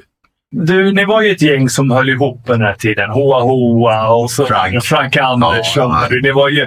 Och man har ju hört, Lindberg. Ja, okej. Mm. ja. Nej, men man har ju hört otroliga historier. Ni var ju riktiga legender och ibland bodde ni ihop och ni var ute och festade. Och tydligen så var ju ni sjuka brudmagneter. Ni hade brudar som klasar efter, sa jag. Det det? Kan du berätta, var det så? Var ni så jäkla populära? Var det kropparna som drog kvinnorna? Eller? För ni måste ha stuck, stuckit ut ordentligt den här tiden. Då gick det Ja, inte det- muskelberg ute på gatorna. Nej, det- Som du kanske gör idag lite mer. Jag hade ju... Frank hade en Andersson hade en rosa Corvette. Råtta Väldigt girlish? Alltså, Och han växlade med automatlåda och han växlade precis som han hade manuell medan han rökte cigaretter också. Så han satt och växlade sin rosa Corvette, rökte och, och körde. Elitidrottare. Alltså det var manuell va. Jag hade min Corvette Stingray var ingen 350, jag hade en 450, 454 på 7 liter som hade 700 hästkrafter och var helt lila. Så att Frank hade, det hatar ju han, att min Stingray var snabbare än hans. Och Hoa Hoa valde oftast att åka med mig. För Hoa Hoa, han blir nervös. Sitta med Frank. Ja, ja, ja, visst. Ja. Så Hoa Hoa satt bredvid, ofta halvnykter. eh, Och eh, käkade skinka och såna här grejer. Men vilken jävla trio. Och sen åkte de där, de där bilarna. Vi åkte med de där runt Sverige. Vi var discjockeys, vi var och spelade fotboll. Vi spelade för, för kronprinsessan på hennes ettårsdag på Öland. Och eh, då, jag, Frank Hoa, Ingvar Stenmark, alla spelade mot ett lokalt lag. Och vi åkte runt på en sån här turné som hette Stjärnlaget. Det var skitkul. Nu ser man glöden i Ja, ja, ja. ja. Hörde, jag måste ha Ove berättade han sa där, "När fan har jag hört att ni ska ha vad heter det, Uffe Bengtsson i, i podden och det. Och det. Jag kan säga det, det fanns inga, ingen där ute som hade så mycket brudar som Uffe hade på den tiden. Var det värsta? För slog du Hoa och Franka på fingrarna? Alltså så mycket, alltså det är ju att, att vara man och ha en attraktion med en kvinna är den största ynnest en man kan ha. Jag menar, vad har vi män för liv egentligen om vi inte blir bekräftade? De flesta av oss har kvinna, andra gillar ju sina egna, eget kön. Va? Men att bli bekräftad oavsett om det är en man av en man eller en man med en kvinna, det är ju det största. Och när man då också är känd som man blir på den tiden, för det fanns bara två tv-kanaler i Sverige, det fanns Veckorevyn och några andra få tidningar, så var det på Sveriges Television, då såg halva Sverige det. Så det var inte en massa Robinson-kändisar, massa Paradise Hotel-kändisar och massa Naked. Men syndes ni mycket då på, Ja, ja, ja. på kanalerna? Ja, ja. ettan och tvåan det. Ja, och när man hade varit på ettan en lördagkväll, och Jerry Williams show till exempel, så var det autografer överallt. Man vet, säkert på landsbygden. Och alla hade sett det nästan. va? Men roffade du åt dig av brudar alltså på den här tiden? Eller var det så att du Ja, jag saknade den stora kärleken och levde med en kvinna? Eller hur var du? Det var nästan tvärtom. Rent generellt sett var det nästan tvärtom. Att man, de som pratar om kvinnans frigörelse som på 70-talet och annat. Kvinnor vet vad de vill och när de vill då tar de för sig. Så de jagade er kan man säga? Ja, jag tror att man kan säga så ja. ja. Det var faktiskt så och eh, det här är väldigt intressant för det är någonting relationspsykologi mellan män och kvinnor. Och eh, man sa ju att kvinnor gillar inte muskler och så vidare. Eh, det var ju liksom en sägning, men det var väl en sägning av kanske etablissemang som inte hade några egna muskler. Kvinnor gillar män som är tränade, som är målmedvetna, som har visioner och drömmar eh, och så vidare. Och en världsmästare som Frank Andersson, han drar mycket kvinnor. Och eh, utan tvekan. Tog han åt, drog, hur var Frankan där? Han, Han tävlade ju då när vi var ute och sådär så var det ju frågan om, och Pelle Lindberg, Philadelphia Flyers hockeymålvakten, han var ju också där. Så vi, det var ju tre stycken killar, hockeyspelaren Pelle, Frank och jag. Och det var ju alltid en kamp lite grann på ja, Grebbestad eller vart vi än var och, och spelade discjockey och så vidare. Va? Hoa satt näst i baren och, och, och sådär. Men det var alltid en kamp då, liksom, vem skulle träffa den snyggaste tjejen. Men eh, Uffe, det låter som du har brunnit mycket för kvinnorna genom åren och Ja. verkligen så här, den här Ja, kampen. Eh, och jag tyckte det var bra sagt där också att man ofta ser ja, men att det är männen som skulle på något sätt skulle, eller kvinnor som skulle vara tacksamma för att männen jagar dem, men det kanske lika gärna kan vara tvärtom. Absolut. Och, eh, jag menar, kvinnor är oftare starkare i könet. Men det som jag tänkte med eh, när det gäller just det här med world class-delen. Jag hade en sista fråga med det som jag glömde förut och det var så här. Många undrar ju hur world class ägs idag. Och eftersom vi har dig här, liksom, world class lever ju vidare idag, hur? Det finns väl någon anledning här. Bara innan vi släpper det helt, för jag har varit lite intresserad av den. Då, Eh, vem äger world class idag och hur många center finns det? ja, det, först, det finns två företag, World Class, som har värderats till en miljard och över. Det är Ryssland, Russia, World Class Club i Russia. Eh, som då sa ägs av Goldman Sachs och Alpha Capital, Friedman, som är väldigt nära Putin. Eh, han är bäst känd inom finanskretsar och så. Det är World Class Russia. Sen är det Rumänien som eh, är oerhört värdefullt. Och jag ska säga World Class Rumänien idag är nog Europas mest framgångsrika kedjeföretag inom vår industri.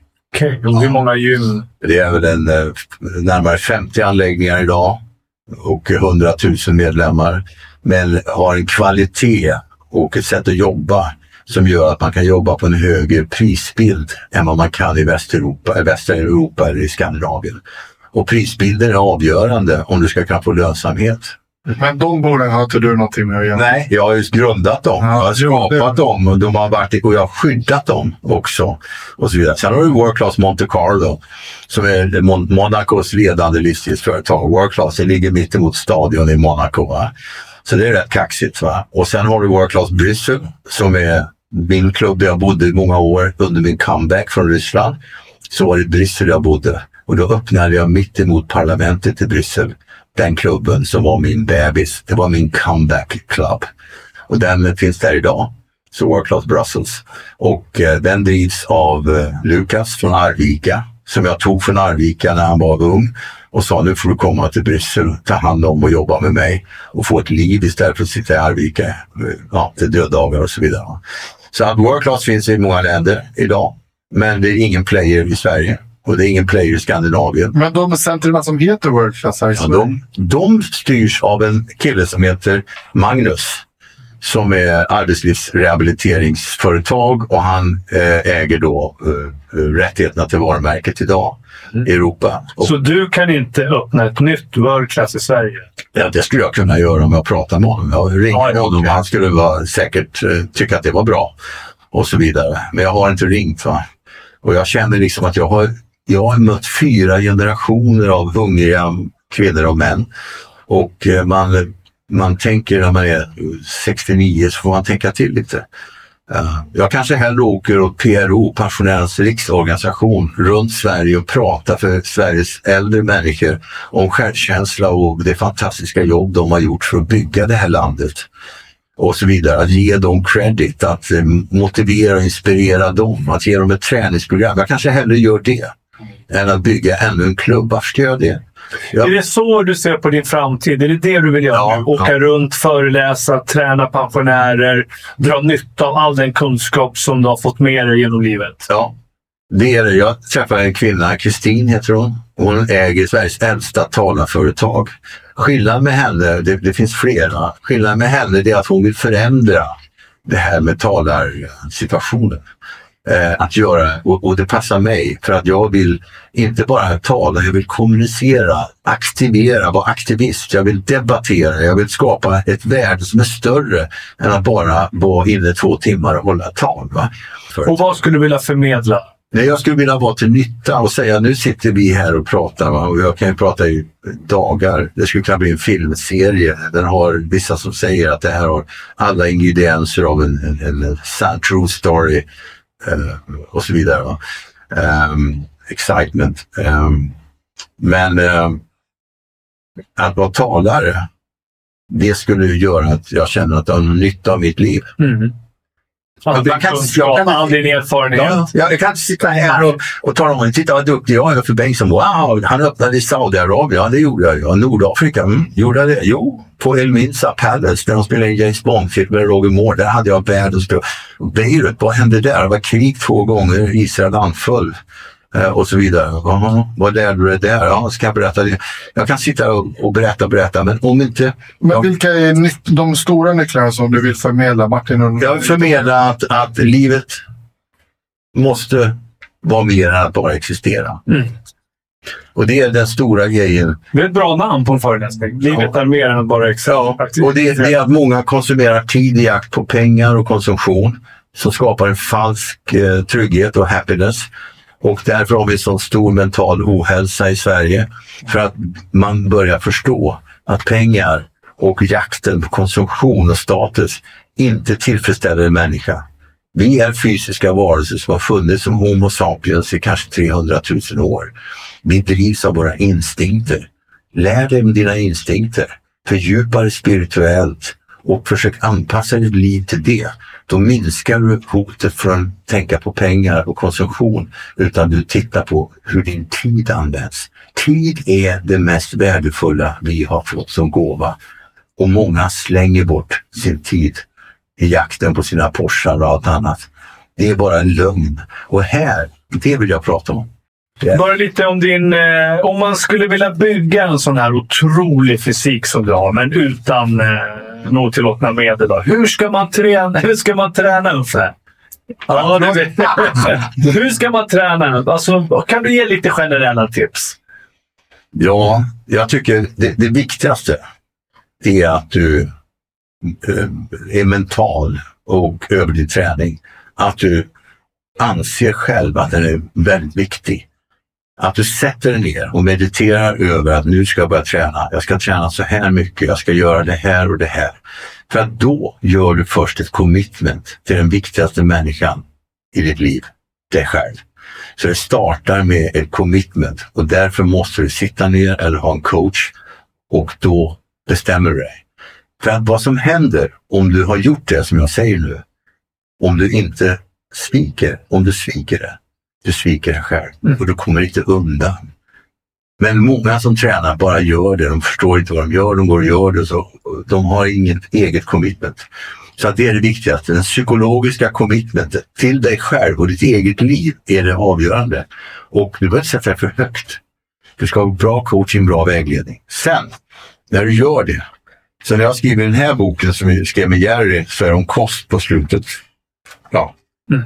Det är om kost. Men eh, om, kosten är ju en viktig del såklart. Oerhört viktigt. Och sömnen. ja, om man har gjort det här commitment med sig själv. Jag ska göra det här nu, jag ska komma i bra form.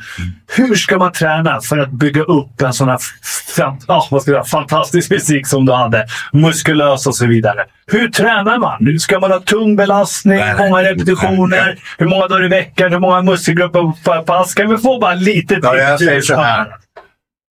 Om du vill ha ambitionen, nu pratar jag inte utifrån mig, och det var mitt liv och nästan mitt yrke och så vidare. Träna tre dagar i veckan. Det räcker? Ja. Okej. Ha ett- koll på ett, ett allround träningsprogram. Du tränar hela kroppen. Tre dagar i veckan. Lättare vikter. Många repetitioner. Bra intensitet. Så man behöver inte jobba med så tunga vikter? Ska man jobba med hela kroppen på ett pass? Då menar du eller ska Ja. man dela upp? Jag, Man ska jag tycker första steget vi pratar om här nu för lyssnarna. Vanliga Svensson. Svensson som Ja. kommer igång. Det ska vara lättförståeligt, det ska vara roligt, det ska inte vara överdrivet, för det är psykologiskt fel.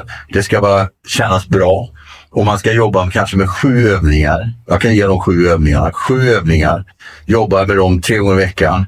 Och du kan säga till dig själv att gör du två gånger i veckan, var inte så ledsen. Du sviker inte dig själv för du gjorde två. Men gå inte ner på en, gå inte ner på noll. Då lurar du dig själv, du sviker ditt eget commitment.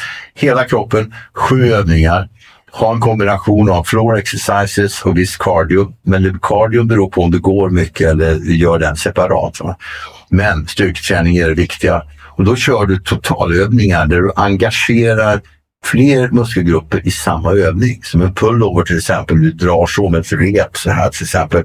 Då engagerar du brösten, du engagerar ryggen Och du engagerar skulderna, du engagerar biceps, du engagerar hela överkroppen i en koordinerad rörelseschema som gör att du som inte har tränat tidigare plötsligt stimulerar mer än bara en muskel isolerat. Och hela det hormonella systemet påverkas. Hela. Så att, och squat till exempel, du gör squat med din egen kropp. Knäböj upp och ner med din egen kropp. Och det har du inte gjort tidigare. Va? Så att du med lätta övningar, sju övningar, regelbundenheten är nyckeln. Två till tre gånger i veckan. Sätt din egen commitment i träningsprogram. Genomför det och kör det till exempel i 12 veckor. Jag tycker ett bra tips där är som du är inne på att inte krångla till det för mycket. Eh, det får man ju ofta också den här känslan när eh, man går in i ett gym och så kanske de känner igen en och så tänker de så här, men han har varit bäst i världen i brottning och så frågar de den här frågan. "Ja, vad, vad har du planerat idag? Eller vad ska du träna idag? Och så tror de att man ska ge något fancy svar att ja, men idag ska jag dela in kroppen så här. Så här. Men min eh, filosofi nu för att må bra och ha en, både en bra fysik utåt och en kropp som jag kan använda och för att må bra. Mm. Det är ju just de här grejerna som du nämnde, att inte krångla till det. Utan det handlar ju om att göra det enkelt men göra det långsiktigt. Någonting som är hållbart. Och då brukar jag tänka också sådär Okej, om jag har fyra pass i veckan då. Att eh, hjärta, lungapparat, det är också en muskel. Du Oh ja, också oh få ja. sin träning. Och sen den muskulära träningen. Och eh, några övningar som fungerar och som är lätta att utföra. Där jag kopplar in rörelser istället för att sitta isolerat och Mm. bara köra en eh, låst rörelse i en maskin. Utan det finns faktiskt rörelser där man kopplar in flera muskelgrupper samtidigt. Om man har några sådana att köra runt på så tror jag att vissa tror att det ska vara så fancy fancy. Att "Åh, jag måste skissa ett schema här med Eh, Okej, eh, det måste vara triceps en dag, det måste vara biceps en dag. Så får det inte vara samma övningar två veckor i rad. Och så börjar de krångla till det så mycket att det fallerar bara på. För att förbättra folkhälsan, gör det enkelt. Sju övningar, men gör, se till att du får nog med hjärt-lungträning, cardio. Gör floor exercises på golvet, stretch och styrkeövningar med kroppens eget motstånd. Och några totalövningar i styrkeredskap.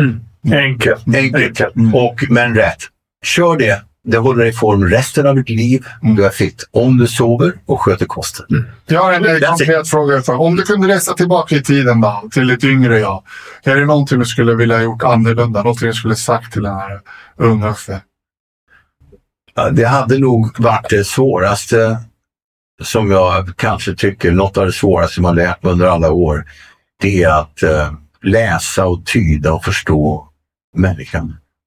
Och om man hade gjort det med större insikt så hade man undvikit många saker som inte har varit så bra. Å andra sidan, hade man haft den kunskapen så tror jag inte vi hade haft att den här bodybuildern Uffe Bengtsson från Arvika skapade Rysslands största livstidsföretag eller för kvinnor i Saudiarabien eller i brinnande krig i Beirut och så vidare. Alla de här storiesarna hade inte funnits. Du menar då att naiviteten gjorde att du vågade? Ja. Och hade du varit... Okunskapen, naiviteten, entreprenörandan och vi- viljan att vinna gjorde att jag vågade saker som ingen annan har gjort till idag. Men det kan ju också vara ett framgångskoncept såklart. Det, det, På andra hållet, att man vågar. hade börsintroduktionen som jag gjorde min comeback 2008. Hade det inte varit värsta krisen i världshistorien så hade jag suttit här idag som oerhört förmögen man. Va? Men nu är omvärlden, vi lever i energi. Vi lever, det är inte så att man säger jag förtjänar att vinna. Jag förtjänar att vara värd 10 miljoner dollar. Men nu svarade du tvådelat på frågan. Så skulle du vilja säga till den unga Uffe att vara mindre naiv eller ty Ja. människorna först Ja, innan du ja. ger in någonting? Ja. Eller skulle du säga att nej, den här naiviteten kommer vara en styrka. Kasta ut. Det är både och. Det är hot och det är en styrka. Det är hot och en styrka. Som ett Rest- och resten är ett lotteri. Och det lotteriet är det vi alla lever inför. Det, det är så. Uffe, jag har en... eh, Vi ska snart börja runda av lite här. Men jag tänker att eh, du har ju haft din kropp som redskap. Eh, man blir äldre, det händer saker med sin kropp. Många som jag träffar genom åren och lite en själv såklart, att man har haft sitt kropp som redskap. En del av ens identitet sitter i att man faktiskt har en vältränad kropp. Hur känner du med att bli äldre? Att kroppen förändras, den kommer att förändras. Uffe Bengtsson kommer inte vara den här kanske supertrimmade personen om kanske 5, 10, 15 år sedan. Du är ju vältränad fortfarande och du kommer säkert vara det någorlunda, men du kommer inte kunna vara i samma form som när Och kanske inte samma som du var när du var 30 och vi är inte samma som vi var Nej, och jag tänker på det här med objektifieringen och eh, kvinnorna som har funnits där och gillat Uffe Bengtsson för han har haft en fin vältränad kropp. Och så. Hur, hur känner du för det här att du kommer att bli äldre och att din kropp förändras? Känns det jobbigt eller har du... Det, Hur går tankarna? det är en komplex fråga. Det är, det, är, det är en situation. Svar ja först. Det är en stor, eh, det är en stor omställning. Jag vet andra idrottsmän, Ricky Bruch, Frank Andersson och andra som inte klarade det här. Va? Identitetskris. Identitetskris, det, är att, att, det gäller att försöka förstå sig på sig själv, sina egna reaktioner och föra sig själv in i framtiden. Och även man då blir äldre så måste man se en framtid. Och det är inte nödvändigtvis den gamla framtiden. Kanske måste man lämna mycket av sig själv och det man fungerar, hur man fungerade historiskt för att möta den nya tiden. va. Och eh, så att det är helt klart en omställning. Mm. Jag har aldrig mätt livet i ålder. Jag har alltid varit, levt med samma ålder. Jag liksom inte kan se liksom Uffe Bengtsson när han var 69 år. Oh my god. Det är som Jerry Williams sa att Uffe för fan, nu är jag 72 och jag får jag får i brevlådan en, en pensionärsresa till Åland om jag ska följa med. Och en poliser på en rullator. Han såg sig själv. Han var Jerry. Med hela svenska folk och sig själv och sin familj och mig. Jag är Uffe. Jag är medveten om precis den här frågeställningen. Den existerar, men det gäller på något sätt att kämpa vidare. För det känns som att du går igenom kanske en viss process i livet just nu. Absolut. Du håller på att lämna mycket bakom dig. Du har ju varit en person som har rest mycket runt Ja. över världen hela tiden. Nu ska du börja att hitta tryggheten och livsstil som fungerar i Sverige. Eh, återigen, vi blir lite äldre och vi kommer kanske inte kunna använda vår kropp på samma sätt som vi gjort tidigare. Så eh, känns det jobbigt för dig? Eller går det upp och ner? Eller känner du... Det jobbiga är att jag, jag har opererat min ryggrad, spine, och eh, fick en infektion efteråt när jag gjorde det. Jag gjorde en operation på Löwenströmska där. ehm, och, så. och jag har aldrig varit på sjukhus, jag har aldrig varit på, hos läkare utifrån det. Och plötsligt så opereras jag och jag får eh, sjukhussjuka och ligger och stirrar i ett sjukhustak. Va? Och då tänker jag, för Bengtsson, det är jag. Och här ligger jag och tittar i sjukhustak. Det kan inte vara sant. Det kan inte stämma. Jo, det är sant Ulf. Det här är livet. Nu får du fan med skärpa det här och försöka ta dig ur det här och ta det vidare så gott det går. Va? Så jag för den här dialogen med mig själv. Jag är inne och lär mig någonting nytt. Va? Min kropp har varit mitt vapen. Jag har tävlat, tjänat pengar på den och upplevt enormt mycket kring med den statusen. Den statusen är förbi. Jag måste hitta en ny väg och jag tror alla människor måste göra det och det är inte lätt. Har du fått något men efter du fick spine och sjukhussjukan? Ja, nej, men jag har problem med vänsterfoten. Jag är i supershape i övrigt. Uh, och oförskämt säger hon. Men jag tycker det var, Men jag har ett problem med- funktionella, vänsterbenet funktionellt sett, ja.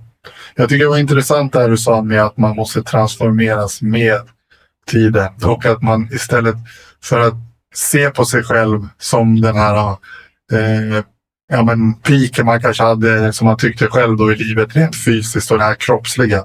Att istället tänka att så här, vilka blir mina styrkor med att åldras? Ja, men jag samlar på mig mer erfarenheter, jag blir visare och så vidare. Och så skapar man liksom en ny version av sig själv. Och det är allt för många som har svårt med den här transformationen. Exakt. Men det är ett väldigt bra konkret tips när man börjar tänka på det i de termerna. Och också kunna gå tillbaka och hämta minnen och kunskap och erfarenheter utifrån allt som du har upplevt i livet.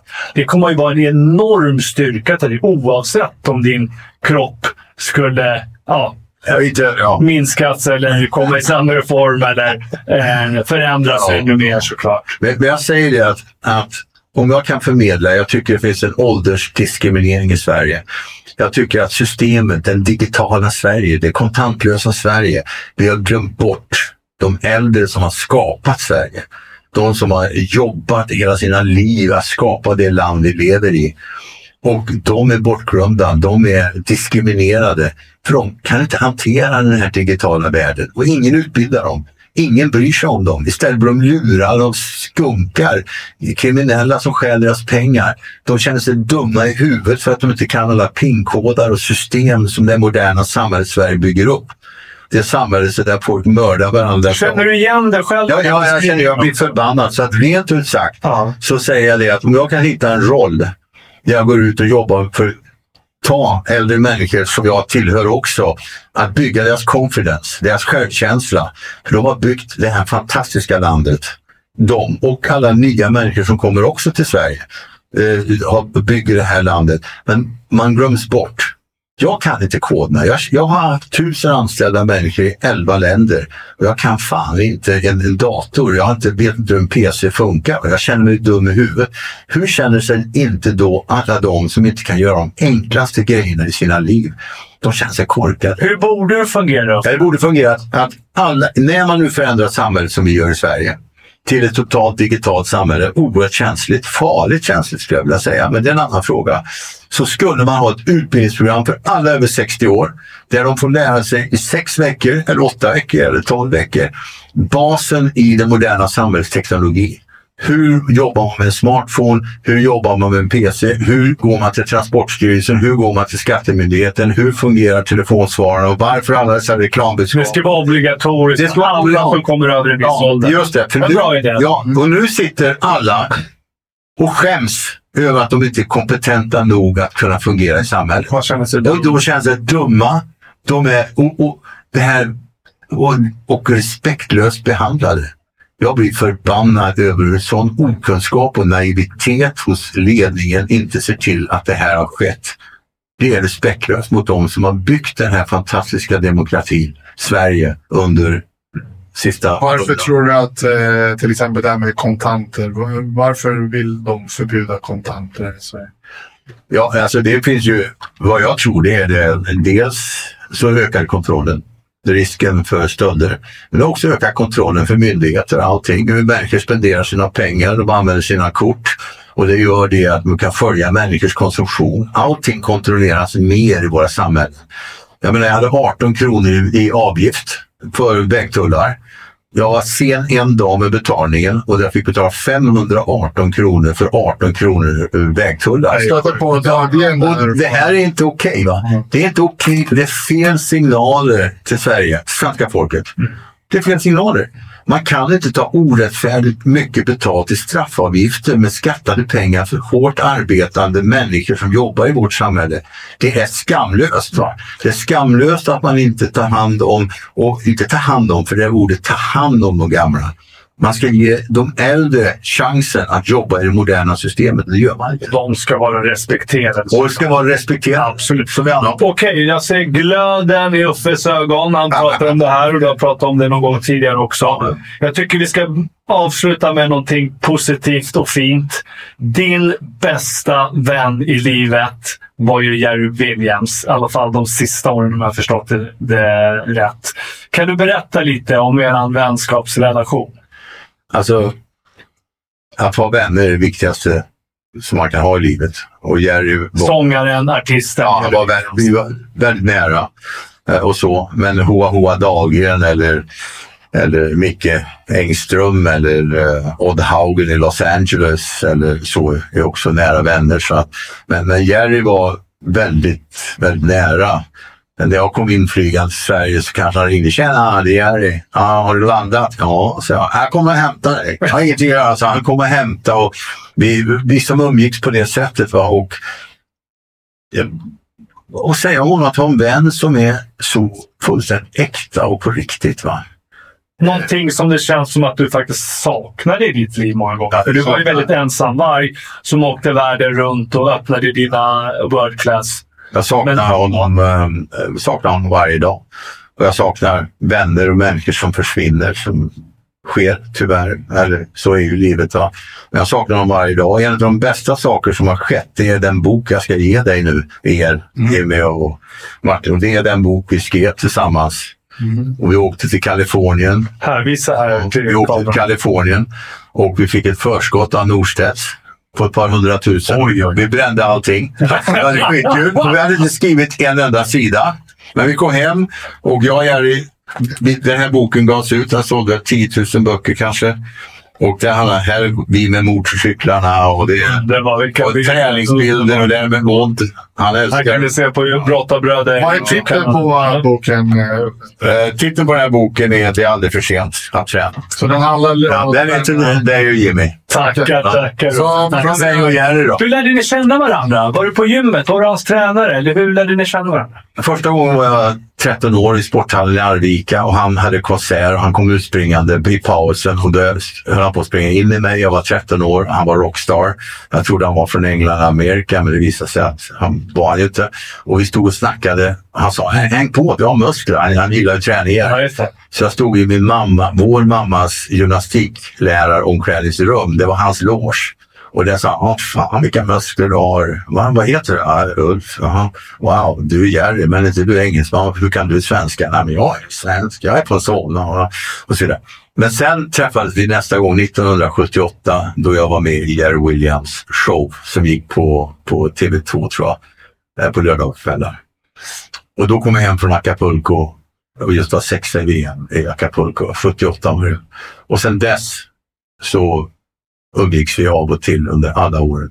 Ja, häftigt. Jag har ett härligt minne från Jerry Williams. Han var faktiskt prisutdelare på en, eh, en ungdomsturnering som hette Västerhaninge-cupen i brottning. Mm. Och eh, de nämnde att Jerry Williams är på väg. Han ska vara prisutdelare. Jag tänkte, fasiken, jag måste bara vinna den här turneringen. Mm. Jerry Williams kommer hit, han ska vara prisutdelare. Jag ska bara högst upp på pallen. Mm. Så det blev liksom min drivkraft i den här turneringen. Mm. Och jag lyckades vinna turneringen och fick det här priset. Och det var så jäkla stort. Mm. För han var ju, ja, han var ju gudabenådad i Sverige, den här karln. Jerry Williams. Ja, det är en ikon. Är en riktig fantastisk människa. Ja. Det han, han visar på det bästa hos mänskligheten.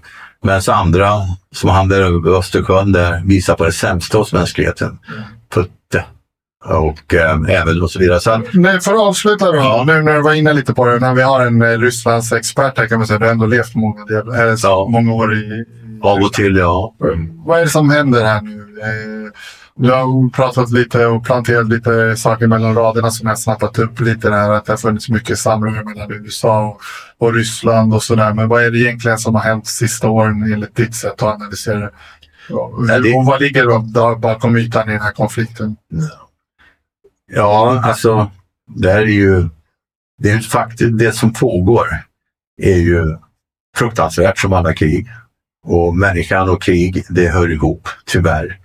Man får nog konstatera att vi är rovdjur som är missanpassade och som det har gått snett för. Och vår maktbegär och eh, begär av att äga, kontrollera eller göra oss själva till gudar eh, är någonting som representerar allt för mycket av ledarskapet i världen, av mänskligheten. Det är helt ofattbart. Och Ryssland är inget undantag. Så att jag vill inte vara någon, vad jag kan bara säga att krig och mord och våld är en del av av våran, våran natur. Och det är allt sedan de krig man själv känner till. Man förde Vietnamkriget, helt fruktansvärt. Vi pratar om Irak. Det är helt fruktansvärt hur egentligen det var en bluff, en lögn i FN som banade väg för Irakkriget och så vidare på det sätt som, som, som sker. Det, det är så mycket offer. Det är så mycket våld som sker. Ehm, Hur kommer kriget sluta, ja, tror du? ja, nu pratar vi också om, självklart om Rysslands angrepp Mot Ukraina. omotiverat egentligen mot Ukraina. Och de konsekvenser hur man sänder tusentals unga i döden och hur många civila barn och kvinnor och Ja, det är ju så mycket åsikter och, Ja, men åsikter, som, ja. som tror sig veta massa saker. Men enligt ditt sätt och så som du känner Ryssland, för du nämnde tidigare att du älskade det gamla Ja, ryska folket. folket. Ja. Men är det då en dåres verk? Är det ledare som, alltså några få som bara vill bli ihågkomna för att de har roffat åt Som jag, Eller finns det någon djupare ekonomisk agenda? Eller vad ser vi? Vi, vi ser ett, ett gigantiskt land där människor alltid har levt under ett förtryck. Tsartiden fram till kommunistregimerna och Sovjet och nu under Putin. Man ser en struktur som inte är främmande och man ser ett beteende hos eliten som inte alls är främmande i Ryssland. Och man ser också i Rysslands historia hur våld är en mycket stor del och förtryck är en mycket stor del av Rysslands signatur. Och man ser också hänsynslösheten historiskt, hur man skickar och rekryterar unga män ut i en meningslös död på grund av en åsikt. Åsikten från Rysslands perspektiv, det är ju att, att Ukraina är en del av, av Ryssland eh, på, på det sättet och att man ansåg sig ha rätt att gå in och göra. Och även att Natos man vill trycka tillbaka Ja, man anser det då som från elitens ögon, ryska folket vill inte ge sig på Ukraina och så vidare. Men eliten är ju då snurren i skallen. Pratar du med ryssar nu, alltså det vanliga folket? För det är bara det Ja, jag vill med. ja. Någon som känner till lite. Hur eh, det vanliga ryska folket, om man ska generalisera, det är klart det finns olika åsikter, men eh, är de emot invasionen av Ukraina? Hur är de som du pratar med? Jag tror att, jag pratar inte eh, så mycket med dem, men eh, jag är övertygad om att en stor majoritet i, i, om du pratar på tuban hem skulle inte vilja se det här. Men man vågar inte gå emot Nej, överhuvudtaget. Och... Att det sker en del av Rysslands signatur och Putin representerar den. Och tittar man på hur det är byggt så har man en stat i Ryssland, en, en ledning som är byggt som en, en maffiastruktur egentligen eh, i sin organisation och sin ambition. Eh, sen kan man ju säga också då att i deras värld tycker de att de blir blåsta av NATO. När Ryssland var fattigt och oerhört sårbart och järnridån föll så är närmandet mot Rysslands gränser från NATOs sida och så vidare uppfattas hos den här eliten som ett oerhört hot och en förödmjukelse.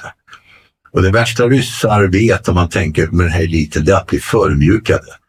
Min uppfattning är att det finns ett stort mindervärdeskomplex inbyggt i dessa, denna ledning gentemot väst. Så det finns alltså en stark psykologi.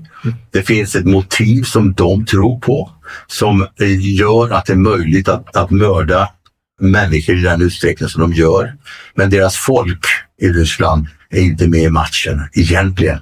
Det är inte min uppfattning. Nej, vi hoppas att det sker mirakel och att det här kriget snart är över.